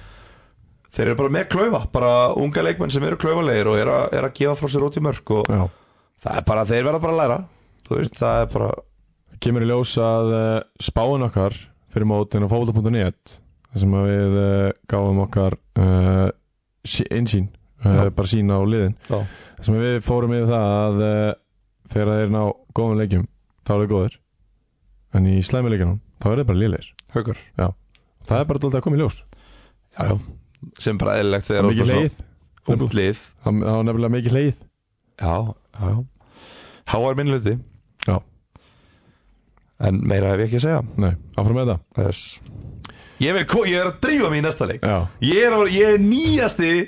og bestasti stöðnismæð KF já, takk fyrir það við frændunir tökum vel á móti þér í hópinn. Áfram KF Áfram KF Let's go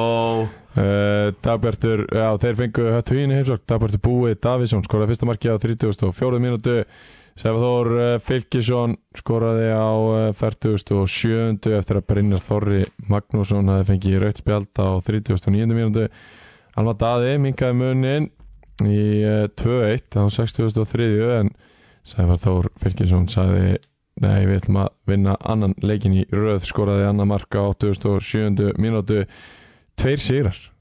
Já. í röð hjá KF sem að þú dæmdi niður eftir fimm öfrir Var ég einn með það? Já, þú sagðir það uppátt Já, og þú- Batti og Borgas heldur áfram að pota það Minnast á það Gilvi Hann- Tryggva spáði þeim niður Hann er bara í þessum ástriðspjall hóp til þess að koma með eitthvað svona Já Já, já Það er hérna Hann ætlaði að stopna ástriðuna og hann, hann hefur einhverja óbeit á GT Já, hann kallaði mér svona vin uh, um daginn Nú að það? Já, hann Já, sagði, ok sagði Gilvi Tryggvarsson sem ég myndi flokka sem vin minn Já, Við áttum já. að vænta það. Já, Þannig að hérna, nei, nei, ég, ég veit ekki alveg ég veit ekki alveg á hvaða vegferðan er á þarna inn á þessi Facebook-hóp en, en hérna fyrir utan það á bara flott skilur það er svo gott tísku fyrir bara að, að hennar menn sé okkur í vegferð Já, það eru nokkri menn á vegferð sko. Kjartan Henry og Patti Mári eru á vegferð sko. og það verður bara að virða það Uh, þessi guður hérna í Korfa Kvöt sem leikmaður Patti, hann er á vegferð líka sko. Já, Það er, það er margir á vegferð En nei, nei, ég er hérna uh, Ég er bara, ég er bara blár, ég er komið með blátt blóð, blátt hjarta Já, Ég elska KF, já, þetta er alveg karakter já þetta er bara frábakartir og, og þeir svöruðu heldur betur þessum eh, mismælum hjá mér um daginn sem ég sagði að væri engin karakter eftir að hafa miskilið það sem að bakarinn skrifaði á slæmri íslensku Já, og hérna, já, þeir tóku bara heldur betur helviti öflugan síður hann Já þetta, er, þetta er mjög mikilvægt sigur og þeir náttúrulega bara liftu sér upp í fjóraðarsæti í deldinni Já, Þannig að það er bara flott hjá þeim liftu þeir sér upp í fjórða sæti Já, það er allir svo ógeðislega ánæður Það er bara, Já, það er bara Hvernig gat hann dæmt á nýður Þetta er fáránlegt að spáðum að segja að þessu fallir eru búin að vinna tóiröð og eru Já, ennþá í fallsæti já, alveg rétt Bara, sko ég er samt Káma, nú er búin að fresta næsta leika búin að völsung En ég meina að þú veist, núna Af erum hverju? enn Hæ? Af hverju? Ég ætla að spyrja þig að því Já. Ég veit ekki okkur En, en hérna Með fullir veringu þá held ég að þeir þú veist, Bara fari núna að tapa leikjum Bara fljú og nált sólinni Og bara verði overconfident Og, og hérna Tapi næstu leikjum Já. uh, Sem er mjög stölu leiðir þetta spá áfram uh, Sem þetta eru nú mínum menn Já, já, Og þú nefndir í síðasta þetta að ef þið myndir vinna þennan leik Þá geti komið eitthvað momentum algjörlega Og maður vonar náttúrulega bara fyrir þeirra hönda Sé, sé að koma momentum Já, alltaf ímislegt með þeim hana Mér að Daniel D fyrir út af þetta haldið með sem Já. að tekur svona dálítið púðrið úr sóknuleik Hattar Hugins Já og, og að svo spila fær- náttúrulega manni færri líka Já, í svo fær- 55 mínútur Emmett, Brynjar Þóri uh, Rauðspjald sem leðis 55 mínútur upp 8 tími Já, cirka en bara eh, samt sem áður þú veist að það er að vinna þessa leiki og allt þetta en, en bara hérna pössum okkur að fara ekki of langt fram úr okkur þegar hérna, eh, við, við erum ennþá í fallseti já við við KF menn káfmenn og, og hérna við þurfum bara að halda áfram bara Ástriðan og KF saman til Sigurs já bara hérna já bara, bara halda áfram Við frændum lappindar á jörðina og bara on to the next one því Já. er ekkert að vera eitthvað að fagna því að vera komin upp í 11. seti við stefnum hærra Já Við ætlum uh, að vera í miðja deild eins og alltaf já, ég sko, já, eftir þessa byrjun ég væri bara sáttum með tíunda Já, bara það já, að bjarga sér já, já, frá já. falli ég væri bara, var bara ánægð með það Og svo vona er það best að Dalvík falli já, já, Þeir gera það jú, jú, alveg gingar þeir náttúrulega við höldum ekki með þeim En það, það er alveg þú veist, Höttur Hugin þeir uh, með tvo, tvo sigra, tvö játefli þrjú töp, átta stig sjö leikir með að deild en uh, samt bara tvö stig nýri fallseti fyndi ég var að fara að segja, eru þeir ekki bara svona svipaður á haugarnir Já. svo horfði ég að töfluna Já. þeir eru bara bókstaflega haukar bara nákvæmlega sama uppskera Já, sama markatölu munur sko, það er bara Eh, þetta er bara þannig Já. þetta er bara lið sem að er ekki með nógu mikið stöðuleika já, algjörlega uh, Næsti leikur það var í fjallabæðhöllinni þar sem að uh, KFA fekk Viking ó í heimsókn uh, Svonimir Blæts skoraði á 17. mínútu 1-0 í hálfleik uh, svo gerist það á 69. mínútu að uh, tveir leikmenn fá rautt spjald einn í sikkvara liðinu uh, Daði Kárasson er aftast í vardamaður tekur niður framir að KFA þegar hann er að sleppa í gegn og í æsingnum þá uh, rífur leikmaður KFA sem er þá uh, Inigo Arruti Mikael Rapp, leikmann uh, Vikingó mm, eða svona, reyndur hún niður eða ít- dreifur hún niður eða hvað hann gerði og fær fyrir það rautspjald sem leðis en varstu, varstu bara að sjá það? Nei, Nei, málið með nei, þetta, þetta er mjög áhugavert út af því að Mhm. Esteban Selpa kemst þarna í gegn já, og Daði er ekkert sá sem brýtur ok það er ekki Daði Daði byrjar svona þess að toga aftan í hann Já, svo kemur Emanuel Eli Keke hinn Ok. hafsendin á fullri ferð og hann er sá sem hann hleypur aftan á hælinn á Esteban Selpa ok og hann brýtur af sér og Esteban Selpa dettur og fer mittur út af velli Einmitt, eftir einmitt. þetta. þannig að hérna, þeir og, það, og svo kemur einhver, einhver hérna, hóp uh, hérna, hvað sem er, já, Já, hópmótmæli já, já, og það bla bla bla verður eitthvað lætið hérna og þeir taka sér dómaratemi tekur sér svona tvær mínútur í að ræða þetta já. og reka út af rangan mann það er ótrúlegt Daði Kárásson tekur þetta rauðspjöld á sig Já. og hann eins og bara allir fótboltamenn í, í heiminum hefur væntalega ekki fundist vera betra fyrir liðið að hann fengi raukt eða skýrðu við, þú veist, ég held að allir í kringum hann hefur getað sagt þér auðvitað skottastu bara út af, skýrðu við, þú veist, höldum Emanuel inn á vellinum Akkurat. og látum hann spila næsta leik en ekki þig þú veist, flottur já, það er hérna, nei, hann var brjálaður var að reyna að benda á að Eli Kiki hafi fengið já, svona, þú veist, upp að ákveðinu marki allavega ok, og það var allavega að lýsa við sínu sakleysi að hann Já. ætti ekki að fara út af það er mitt og hérna, já, þetta er bara þetta er, þetta er ótrúlegt og, og þetta, Mike talaði í þungavitinu um eh, hrindingu bara svona eitthvað rétt stjaka við honum og fyrir það fær íning og rauðspjald já maður hefur alveg séð raut fyrir svona Já. en maður er líka svo sem sé guld já, já, en þetta var, þetta var svona reikistefna og, og, og þetta virkaði nú ekki eins og þetta virkaði, dómar teimið þarna virkaði ekki eins og það væri eitthvað mjög vist í sinni sög nei, nei þegar menn taka sér svona langan tíma til að ræða málin og taka svo ranga ákvörðun já, og það, já, einmitt og reka, reka rangum hann aðvelli já, Eh, þannig að það er náttúrulega mjög áhugavert og áhugavert bara hvað hva geta lið gert í þessum aðstæðum já, hvað munu þeir gera, munu þeir meiga þeir áfrýja já það meiga spurning. þeir þú veist að því það, þú, þetta bara sést mjög vel á myndbandi meiga þeir benda á það að rangum aður og hvað gerist þegar þeir benda á það fer þá Emanuel Kekki í bann já, eða fer engin í bann það er áhugavert já, hvað finnst þeir? já, ég, þú veist, ef það er áfrí að benda á að það ekki verið hann að þá þarf að skoða atvökið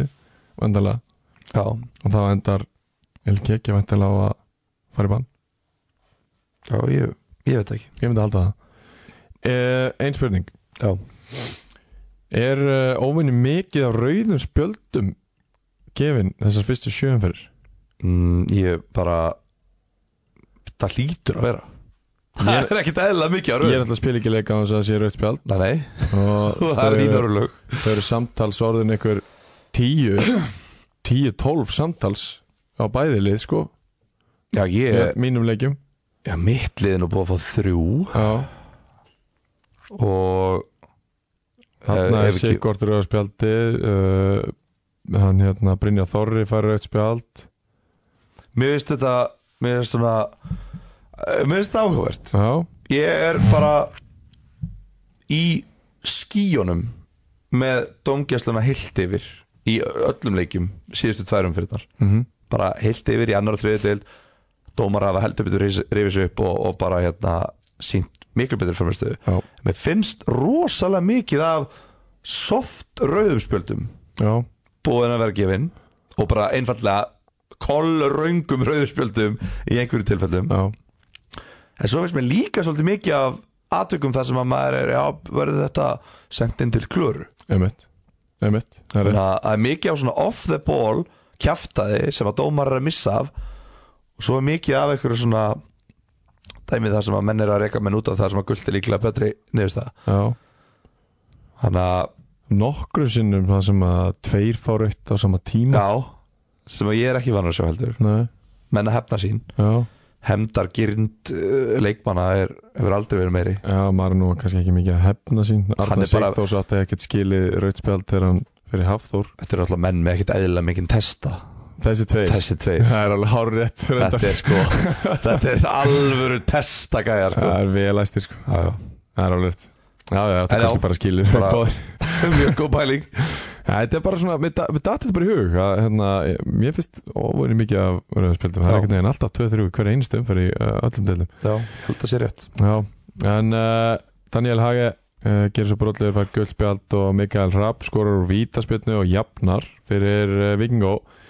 svo í uh, á 79. mínútu og 8050 skorar Vítsje Kendes tvömörk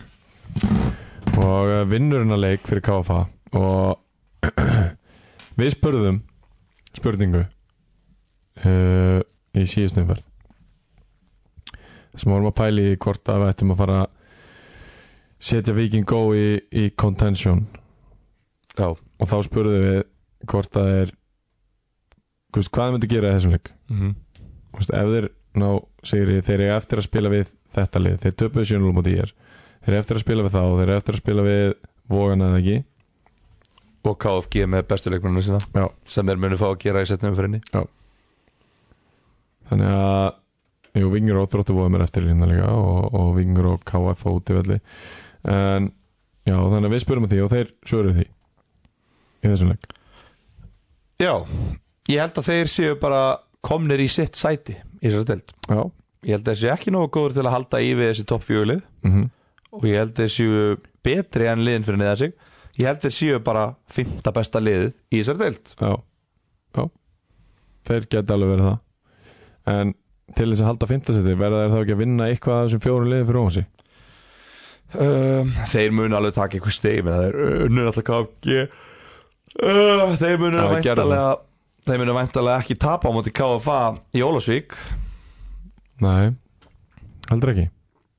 KFA er ekki búið að vinna einn útileik nei, nei. Þannig að þeir geta bókað 1-3 stegi í Ólafsvík Um, það, já. þannig að ég, en ég meina ef þeir vinna liðin fyrir neðan sig, þú veist, þeir eru með 5 stegar fórskot á, á næsta lið fyrir neðan, þannig að ég held að ég held að þetta sé bara þetta tíðanbel fyrir vel á stað þetta er jákvæð þróun, þetta er, já, þetta er gott skref frá því í fyrra Já, og liðið er að bæta sig, um mitt þannig að ég held að menna Ólusi getur nú bara verið ánæður Já. ef þeir ná 5. setinu Já. uh, Ég á búin að heyra það að það er að, að uh, sækja listyrk, já, gera á það já, þeir náttúrulega s- fá munu sagja eitt leikmann og reyni hellisandi í sumar Byttu, þannig að Pítu, hafsendin Já, sem að já, alveg þeir náðu rétt, ekki að bóka alveg rétt já. sem er í reyni hellisandi í 5. Já, alveg rétt hann kemur og hann er bara uh, næst annar til þriði besti leikmarinn í þessu lið já. Og ég held að það séu eitt tveir á á leiðinni viðbót og þeir ætla að gera á það já, en það er alveg möguleiki núna, get, já getur maður ekki alveg að skilja það geta alveg skilja af því að ef að þeir keira á þetta taka 2-3 þá geta það alveg unnið þessi lið í kringu sig Já, þá geta það alveg þeir unnið þessa geta deild alveg líka. en þeir eru ekki að gera það og, og hérna, ég held að ég held að þessi tvei leikir hafa bara sínt það að þeir eru ekki eins góðir og hinliðin Já. fyrir ofan Algjörlega, þróttu vóðum fekk eh, Dalvík í heimsókn á Voga í tífu völlin Þar skoraði þröstu Mikael fyrsta markið í leiknum á 37. mínútu Adam Hotni var fljótur að kvitta fyrir það á 39. mínútu Hans eh, sjötta marki í sumar Eitt eitt hjáleik og eh, Anton Freyr Haugs Guðlöksson skorar á 49. 2-1 fyrir þróttu vóðum það var eitthvað alveg slumma Já Það var alvöru mark uh, Svo er þetta hérna að uh, hérna skal ég segja þér á á kringum 84 mínútu fær Adam Átni döðafæri hérna í gegn, skýtur í slanna Dalvik skora svo úr eftir aukaspjörnu þar sem hann náða að tróða boltanum inn á 90 og annar mínútu jafna metin Borja López Laguna Tveir mikilvægastu leikmenn Dalvíkur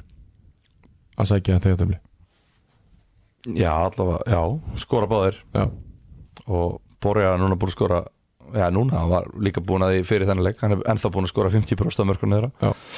komið fjögum mörk og er að tekja inn og, og hérna, það er bara flott en, en þeir þurfa að fá uh, framlag frá fleiri leikmennum já. í markaskorun Já. og meira framlag, það er ekki, ekki nógu gott að skora 8 mörk í sjöleikjum Nei, nei, það er alveg rétt Áki Sjölva kemur aftur inn og þarna hann kom inn og skoraði síðasta leik já, Uh, Það er jákvæmt fyrir þá að hann sé að detta meira og meira inn Því að hann mun skora ef hann fer að byrja já Vitum Tó, það. Tómas Þorðarsson þarf að gera betur líka Já, ungur öfnilegu leikmar hann kemur inn í hálfleik já. uh, Sko heilt yfir var þetta bara uh, voðarni betri í fyrirháleik nei, Dalvík betri í fyrirháleik og voðarni betri í setniháleik uh, voðarnir hefði viljað loka þessu í 2-1 já, en uh, klauvar í lokin já, í rauninni sko vel gert hjá Dalvik að ná að þjárma að þeim og, og hérna, ná að púsa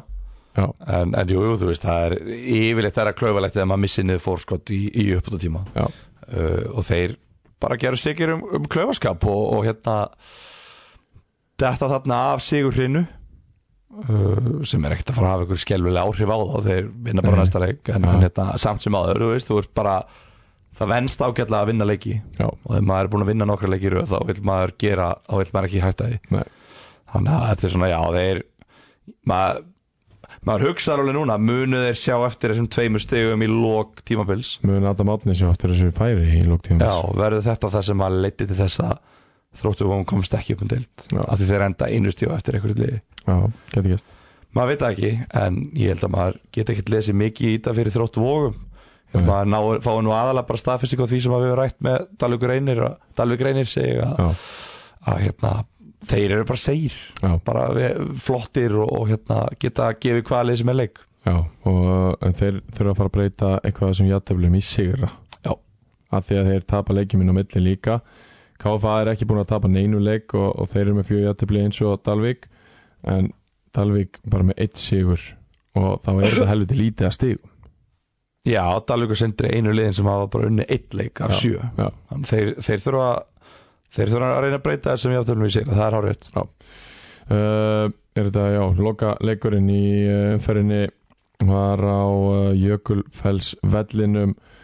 þar sem að uh, Völsungur kom í heimsók til Sindra 0-0 í hálfleik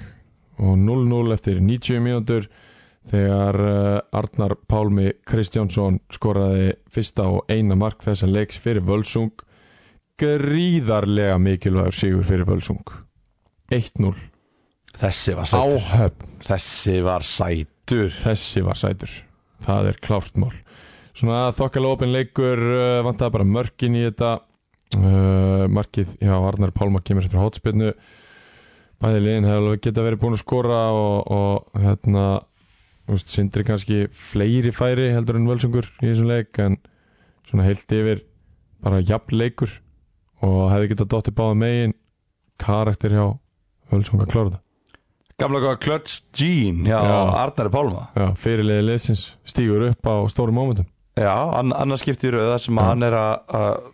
bæta við stigum á töfluna með, í upplutíma rétt hrikalega, hrikalega upplugt og bara geggja fyrir völsunga að ná hérna Sigri Já, af því að Fyrst- tapið er þessum leik þá eru Sindri með 8 og Völsungur með 4 neðstir Já. 2 stig í KF, 3 stig í KVF Já. Í staðinn Sigur, 7 stig komnir inn í pakkan komnir og upp inn í miðan plus momentumið sem að þetta getur Rétt, búið til þetta er bara gegja þeir höfðu ekki unni leik síðan í fyrstu fyrst Já. og, og bara hérna bara gegja, vonandi bara ná þeir að nýta þetta uh, ma- mann finnst svona já, þú veist búið að vera svona þú veist, stöngin út, eða þú veist, þetta er ekki búið þetta með þeim en Já. núna í síðustu tveimur leikjum þá geta þeir tekið helviti mikið út úr þessu algjörlega uh, Sko, spurning hvort að við bætum ykkur meira við Er, er það með eitthvað? uh, ekki þannig nema bara það að hérna, ég hef bara miklar ágjur af, af sindramönum því miður Já, Því miður uh, og fyrst maður er búin að fella KF verður maður þá ekki bara að fella sindra ætlar að gera það bara? Nei, þú veist, ég, ég er ekki klikkaður að fella lið sem er tveimur stíðum frá fallsæti Ó, ég Það ætla að væri- vera að gera það það væri bilun en ég ætla samt að spá því að sindri falli Með KF þá, um, þínum önnum Nei, þú veist, sko það er bara hjart, hjartaði mér ætlar að spá sindra á Dalvik falli Og, Já, auðvitað, hjartað auðvitað því ég er bara með blátt hjarta Hjarta á vonin Já, ofan En því ég er KF maður En en svona fyrir utan það svona sem sérfræðingur um neðritildunar já, Þá verði ég að segja að, að mér finnst bara Liðin sem eru ekki fallsæti þú veist, KF, mér finnst þeir eiga svo mikið inni já, Völsugur, ég heldur sé að komast á áraun já, Dalug reynir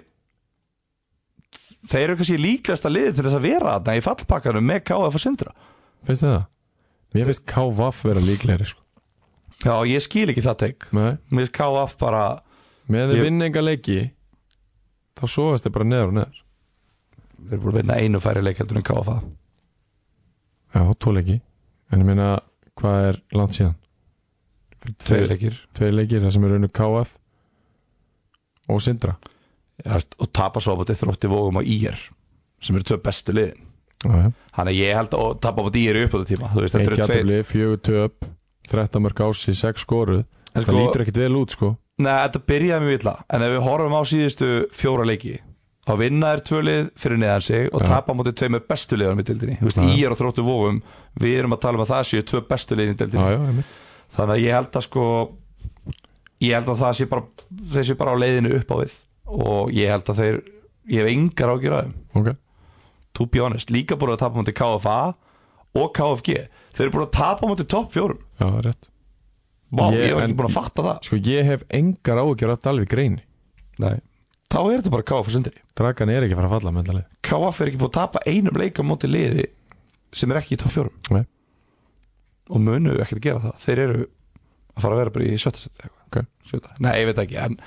Já, ég veit ekki, ég allavega með sindra ég, ég, sé, ég sé bara ekkert þetta Men, Alveg eins og ég sá ekkert á KF eftir fimmleiki Svo bara Já, bæn já. tveir styrir rauð og Já, bara já. flott Núna, þú veist, ég sé ekki neitt Ég sé engin merki um að þeir sé að fara að snúa þessu við Algjörlega búið að vera drama missa arguably besta leikmannin hérna, í liðinu frá, frá því fyrra uh,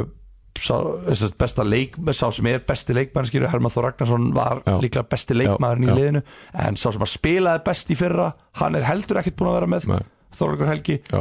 þannig að þú veist, það það er bara það er ekkert að selja mér það að þeir verði ennþá í þessari deildu næsta ári nei Þetta er alveg ágætis púntar í þar Ég verður alveg að viðkynna það Takk, takk sér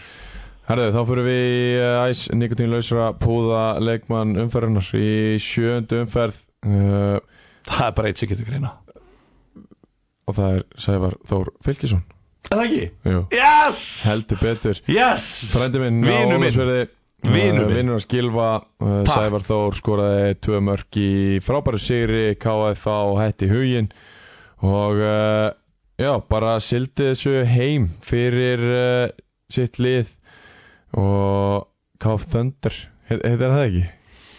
Jú, við Call kvöldum of að það Thunders ég held að þeir kalli sér það Já. og hann er greiðlega vel að þessu komin eftir góða framistu og tvö mörg en uh, þá förum við bara að setja botnin í þennan þátt gilvi þetta er bara Já. langt kvöld hjá okkur Úf, engin spá engin spá ég, uh, við sjóðum saman í uh, seðil og hendum honum inn á uh, ástriðu spjallið Ég verð að koma því á framfæri mm. Ég er ekki búin að koma nálagt Einum einasta Einum einasta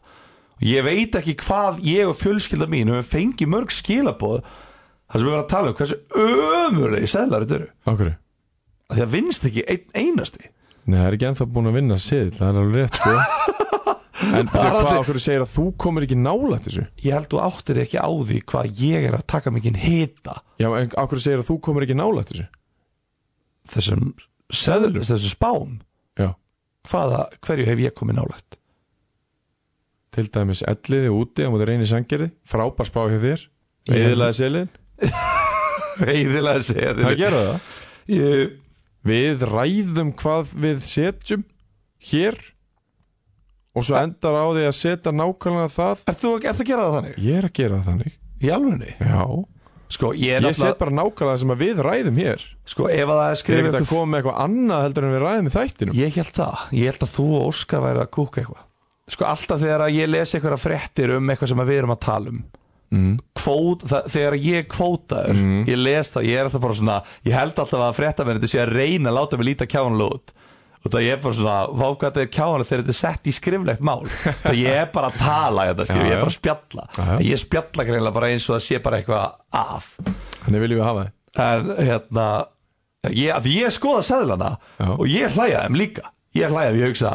djöfull er sverri vinnu minn vitlust þetta er aldrei að fara að lenda Það er bara ekki rétt, þetta er bara nákvæmlega það sem að við ákveðum hérna saman ok, heru, sæll, við verðum að breyta þessu ég skal þá segja það að KF er að fara til Dalvíkur að vinna Ok, og KFG er að fara að vinna KFA ok Þa, Þá er það bara tveir garantít fyrir þá sem að Straight vilja lines. fyrir þá sem vilja breyta einum dal í svona 11 Já, það er hjúts Þá getur þið bara að garantera það Föstaskvöldið, yes. græið helgina En uh, við þökkum kærlega fyrir okkur eftir þessa langloku Ég vona að eh, fleiri, að margir hafi hlustað í gegn en ekki bara fyrstu 30 mínútu þáttanis eh, En uh, við þökkum bara kærlega fyrir okkur Takk fyrir að vera með mig, Gilvi takk sem leis Thank